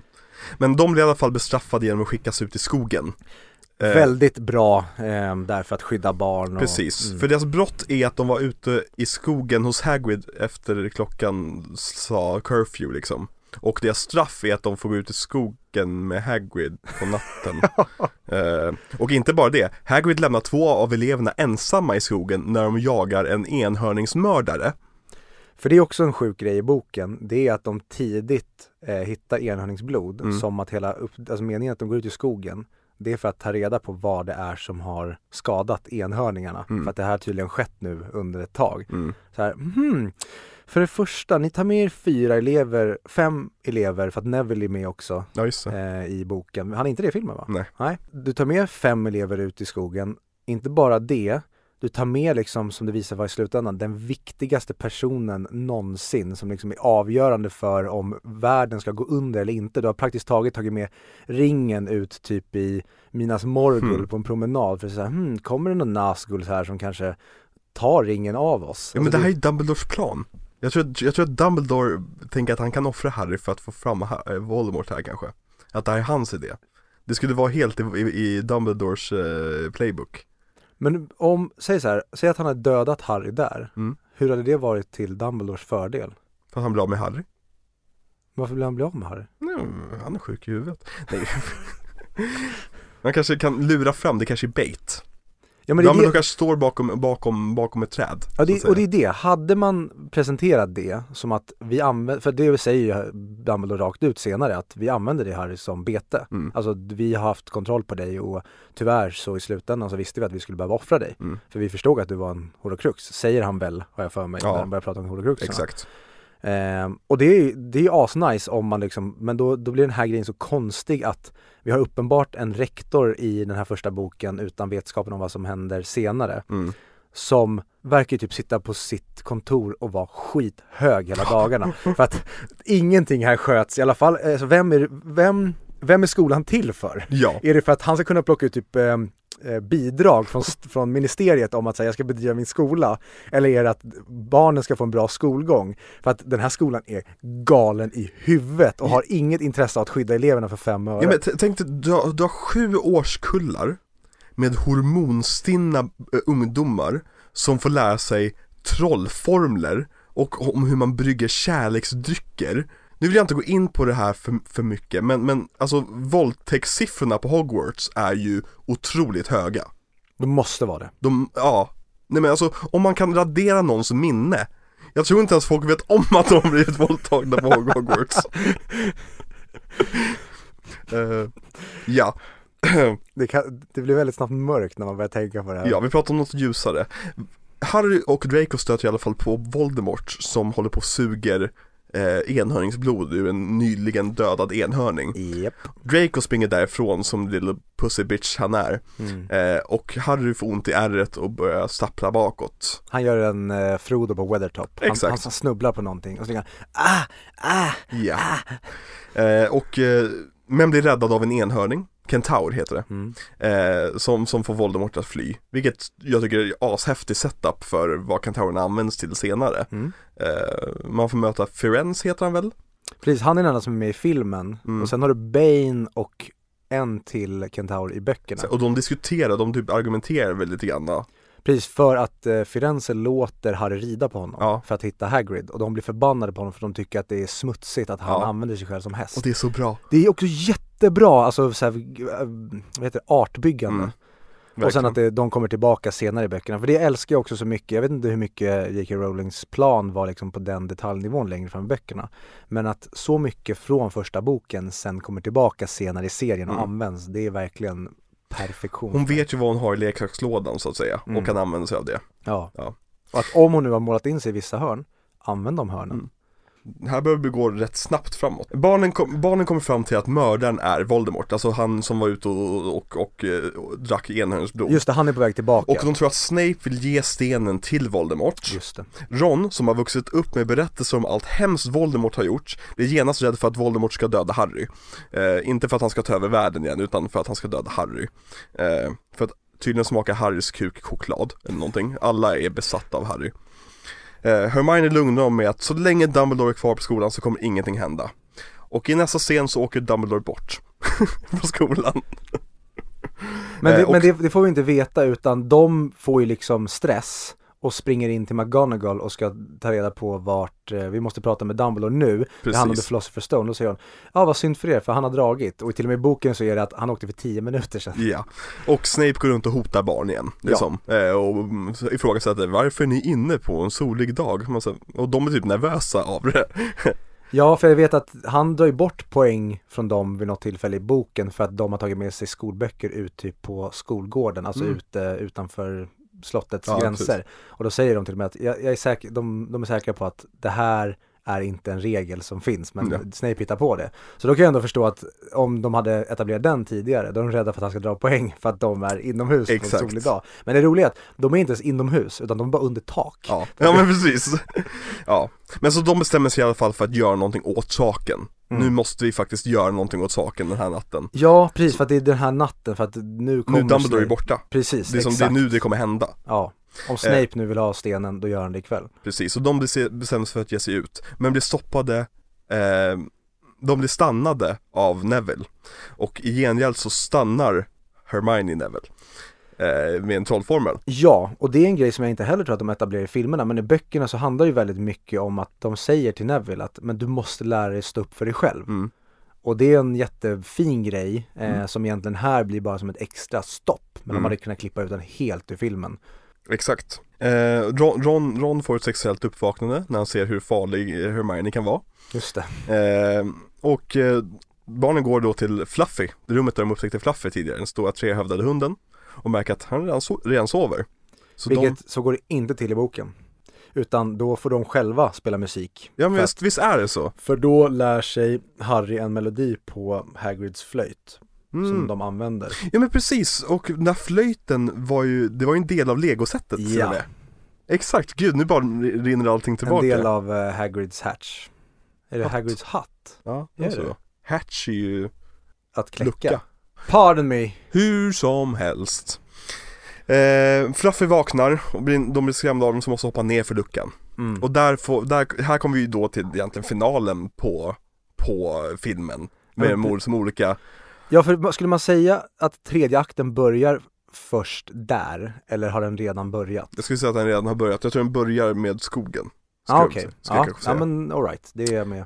Eh, men så de hamnar i djävulsnaran, eh, en stor växt som håller på att strypa dem, men Hermione vet exakt hur man ska lösa det här genom att vara lugn. Så hon räddar sig själv, Hermione, eh, Harry räddar sig själv, men Ron är ju fortfarande kvar där, så han Rupert, måste bli räddad. Och Rupert Grint är så jävla bra i sin skrikande situation. National fucking treasure. Ja. Nästa, nästa fälla, eller utmaning, är de flygande nycklarna. Mm. Och som tur var finns det redan en kvast i rummet. Så det är ju jätte, jättebehändigt. Eh, jag vill se scenen när Quirrell åker runt på kvasten och måste fånga nyckeln. Eh, men Harry fångar nyckeln, de tar sig in i nästa rum, det är ett stort schackspel. Som tur var har Harry och Ron spelat schack tidigare, de visar att Ron är bra schackspelare. Så de löser den sekvensen också. Mm. Ron blir skadad, Hermione och Ron är kvar. Medan Harry går in i sista rummet. Och där möts han av Quirrell. Och en grej som bara kommer där innan, det är att i boken, då har vi ju Snapes utmaning innan. Mm, och med den, trolldrycken Precis, och en grej som jag tycker väldigt mycket om med den grejen i boken, det är att de säger att det här är inte magi, det här är logik. Exakt. Så att om du kommer in som trollkarl, då har du inte fått tränas i logik. Mm. Och därför så löser Hermione grejen också en sån här grym mugglar-friendly grej. Mm. Och så tar Harry den som tar honom vidare och Hermione tar drycken som tar henne tillbaka så att mm. hon kan hämta hjälp. Exakt. Och så går Harry in då och som du sa möter Quirrell. Ja.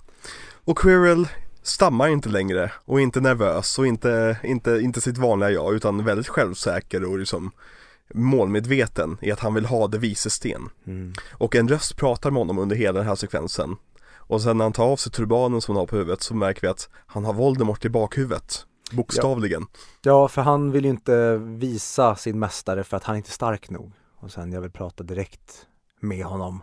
Exakt. Och så älskar jag hur Harry, Harry ljuger och använder Rons eh, Erised bild. Mm. Och så, Dum, eller säga, Dumbledore, Voldemort luras inte utan han ser, fattar ju direkt att han ljuger ju, mm. den här lilla snorungen. Och Harry får då stenen i fickan. Det som händer är att Quirrell försöker döda Harry, men märker att när han rör Harry så brinner han upp. Mm. Alltså inte Harry utan Quirrell. Eh, Quirrell förint, eh, alltså förintas helt enkelt. Av, Ja, han blir, han liksom rasar ju samman Ja. som att han blir stel och det är en grej som, jag förstår att man gör ur, alltså, från ett effekthåll, Mm, men i boken, då får han blåsor. mm, Så att han liksom nästan går sönder av blåsorna. mm. Och det hade varit ännu mer obehaglig body horror om man hade gjort det liksom mer John Carpenter. Jag tänkte precis säga, om Carpenter hade gjort den här filmen så Det hade varit, åh jag hade velat se John Carpenters Harry Potter Shit vad mycket obehagliga Ja, grejer det verkligen. med. Det hade blivit en skräckfilm och inte en barnfilm. 100% eh, men, men hur som helst, Harry blir medvetslös av det här dock Han ramlar väl bak och slår i huvudet eller något sånt där Ja precis för att Voldemort åker ju rakt igenom Ja honom. precis, efter Quirrell har blivit för, förintad. Mm. eh, Harry vaknar upp på sjukhuset med Dumbledore över sig. Eh, Det där lät fel, med Dumbledore bredvid sig. Eh, Och Dumbledore förklarar väl egentligen alltihopa. Att liksom så här, ja det var Quirrell som var skurken. Han dog på grund av att din mammas eh, skyddstrollformel fortfarande gäller över dig. På grund av kärleken som hon känner för dig.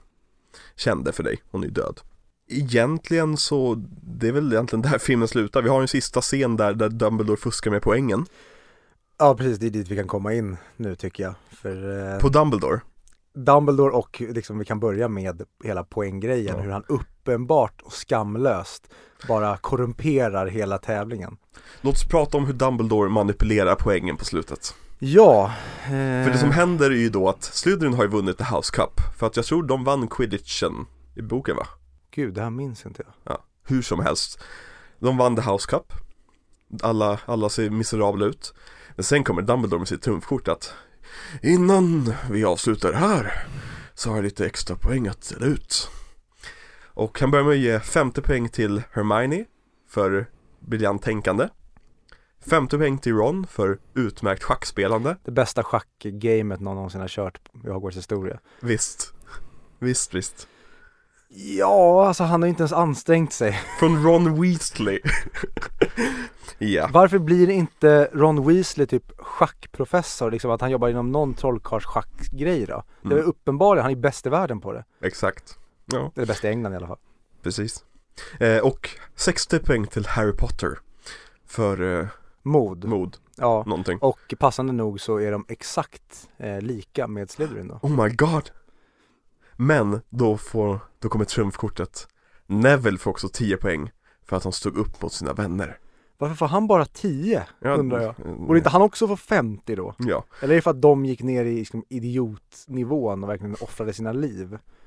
Och all, alla barnen förutom Slytherin blir jätteglada för Gryffindor har vunnit Och Ravenclaw hurrar och Hufflepuff hurrar och mm, Gryffindor hurrar och Sly- Slytherin planerar på att begå folkmord och Ja Mm. men där börjar ju jag, jag- och jag säger så här, jag har inte förståelse för eh, dödsätarna och Voldemorts sida Men där börjar ju ett frö på något sätt liksom gro inom mig att det kanske är väldigt mycket orättvis behandling av de människorna som gör att de blir väldigt arga, ja, men, inte av rätt anledning men de känner sig väldigt felfördelade. och det här, om- om, om det är en grupp du inte ska göra jättearg och få dem att känna sig liksom diskriminerade Då är det ju som intelligenta och sluga och klipska människor. Ja. För de kommer bita en i röven. Gryffindor, ni får bo i ett torn.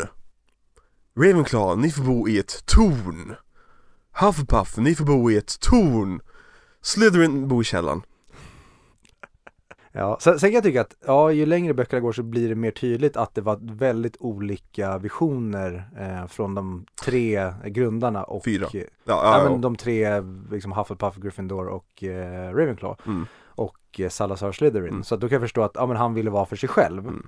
Men vid det här laget så blir det liksom, det, det blir Det här är väldigt också mycket 500 år senare liksom Ja, det blir väldigt konstigt samtidigt som det blir den här liksom uppenbara korruptionen som gör att de precis vinner med 10 poäng. Ja, Det hade varit kanske, det kanske inte hade funkat i en barnbok, men det hade kanske varit mer verklighetstroget att man köpte mer om de förlorade på målsnöret då. Att så här, ja, okej, våra uppoffringar gjorde nästan att vi klarade det. mm. Eller någonting att vi kom trea eller någonting Precis, bara. bättre lycka nästa gång liksom Sen, sen så här, ah, okej, återigen, det är grand narrative här, det är liksom mytiska grejer, Ja. man kan inte gå ner på den nivån, men det blir så ro- roligt när man tittar på det krasst Ja, och vill förlöjliga det, för då blir det så, det är en jättemärklig rektor de har som har totalt misslyckats från att skydda dem och det blir ännu värre i tvåan när man börjar titta på det hur han rekryterar till höger och vänster. Det Mm. Ja men alltså, vi, jag tänker, det här avsnittet har redan gått rätt långt Så jag tänker att vi kan ju ta vår analys av Dumbledore lite mer i andra avsnittet när det också blir lite mer tydligare hoppa, vi kan ju säga att Dumbledore kanske blir den eviga följetongen. Ja men Hur precis, fucked exakt up är Dumbledore i den här boken? Exakt, hur fucked är Dumbledore, fucked up är Dumbledore? Och vi tänkte också egentligen att vi skulle gå igenom castlisten Men vi känner att det kan vi också spara till nästa avsnitt För det är ju typ samma ca- castlist Ja, Harris är ju med i nästa också faktiskt. Ja men precis, så, så, att det är ingen som byts ut mellan de här filmerna. nej exakt Så egentligen det sista som händer i den här filmen är ju egentligen att Harry får ett fotoalbum av Hagrid.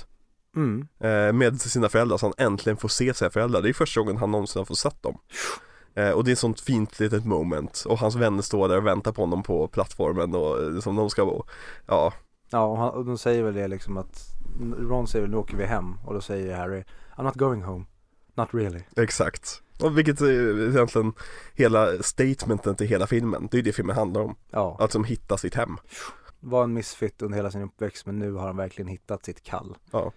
Och um, ja, hjältemyten börjar här Så. helt enkelt. Så, Men eh, vad, eh, vad tycker du då som film?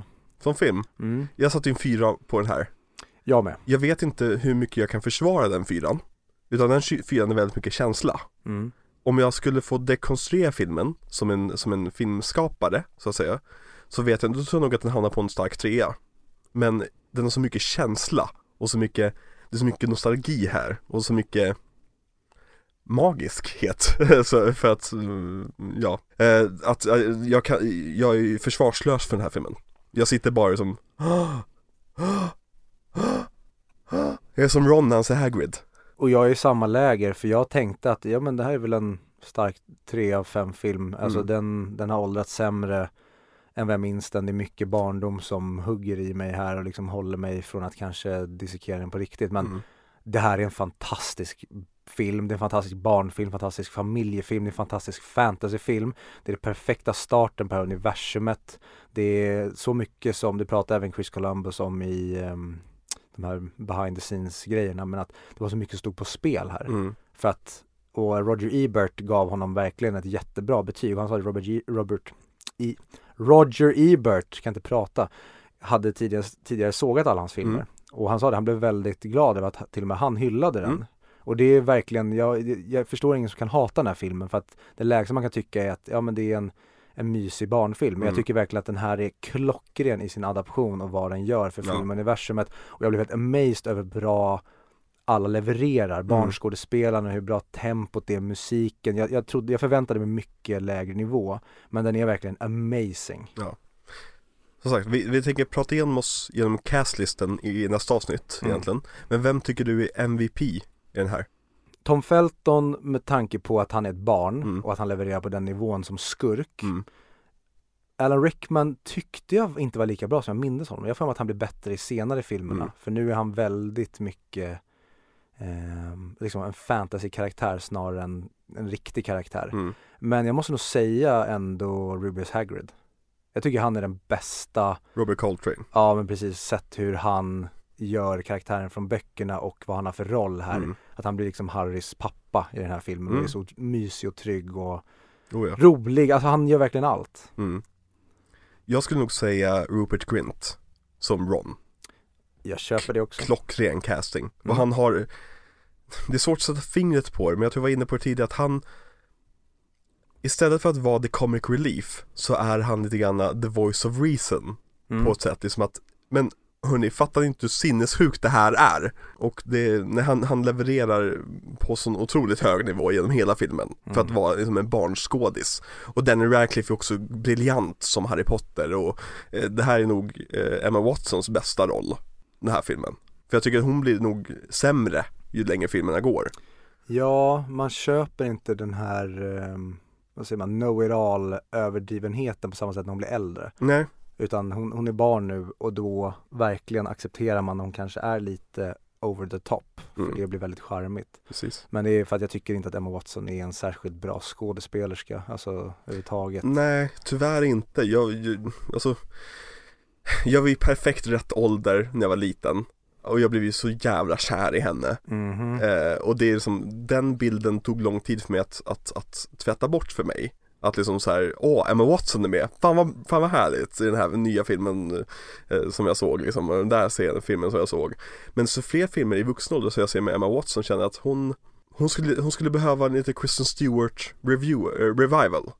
Alltså att hon liksom gör roller som är långt utanför henne, hennes comfort zone. Jag tror inte hon kan det, det Nej, jag- jag tror Utan inte heller. Kristen Stewart är en riktigt duktig skådespelerska Ja. där hon egentligen behövde rebranda sig. Mm. Men jag tror inte Emma Watson kan klara av det. Jag, tror, jag, jag kan inte se henne göra ett nedtonat drama för jag ser Mm. när jag ser intervjuer med henne Hon är ju sin Hermione Granger. Ja. Hon är ju den här stroppen. Mm. Så jag tror bara egentligen hon levererar replikerna och det som med lite känsla. Mm. Men eh, ja, och Mm. alltså, det är svårt när de har tagit liksom A-list skådisar i, i England och egentligen säga vem som är MVP men Alltså McGonagall hur jävla Ja. perfekt hon är som den här fortfarande kantiga surtanten men Mm. fortfarande med en enorm värme och Mm. hon bryr sig verkligen om, och det får vi se i- redan i första scenen hon säger men är det verkligen klokt att lämna honom med de här mugglarna? Mm. The worst kind of people, worst Ja. kind of muggles I've ever seen. Ja, men jag tycker, ja vi, kom, vi kan ju prata mer om, om det i, i tvåan för jag kommer även vilja prata mer om Richard Harris och även Dumbledore och castingen av Dumbledore.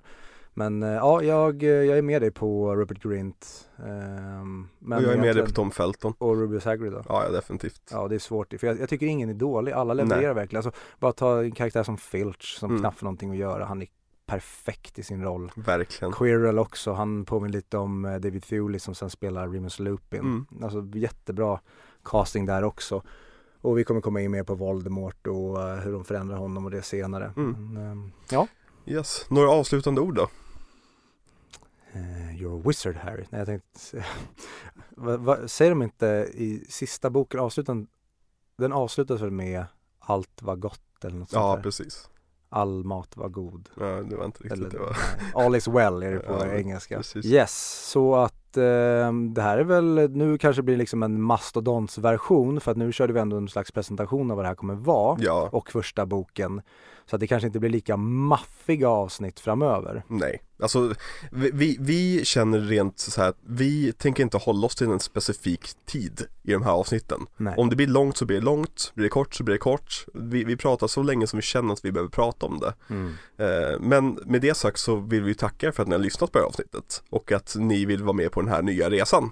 Om ni så var med på den förra resan som Viktor tog er med på eller om ni är helt nykomlingar så ska jag ser väldigt mycket fram emot att nörda ner oss ordentligt och verkligen ge er den här kontexten som vi pratade om i början av avsnittet även när vi börjar prata om andra regissörer och så vidare.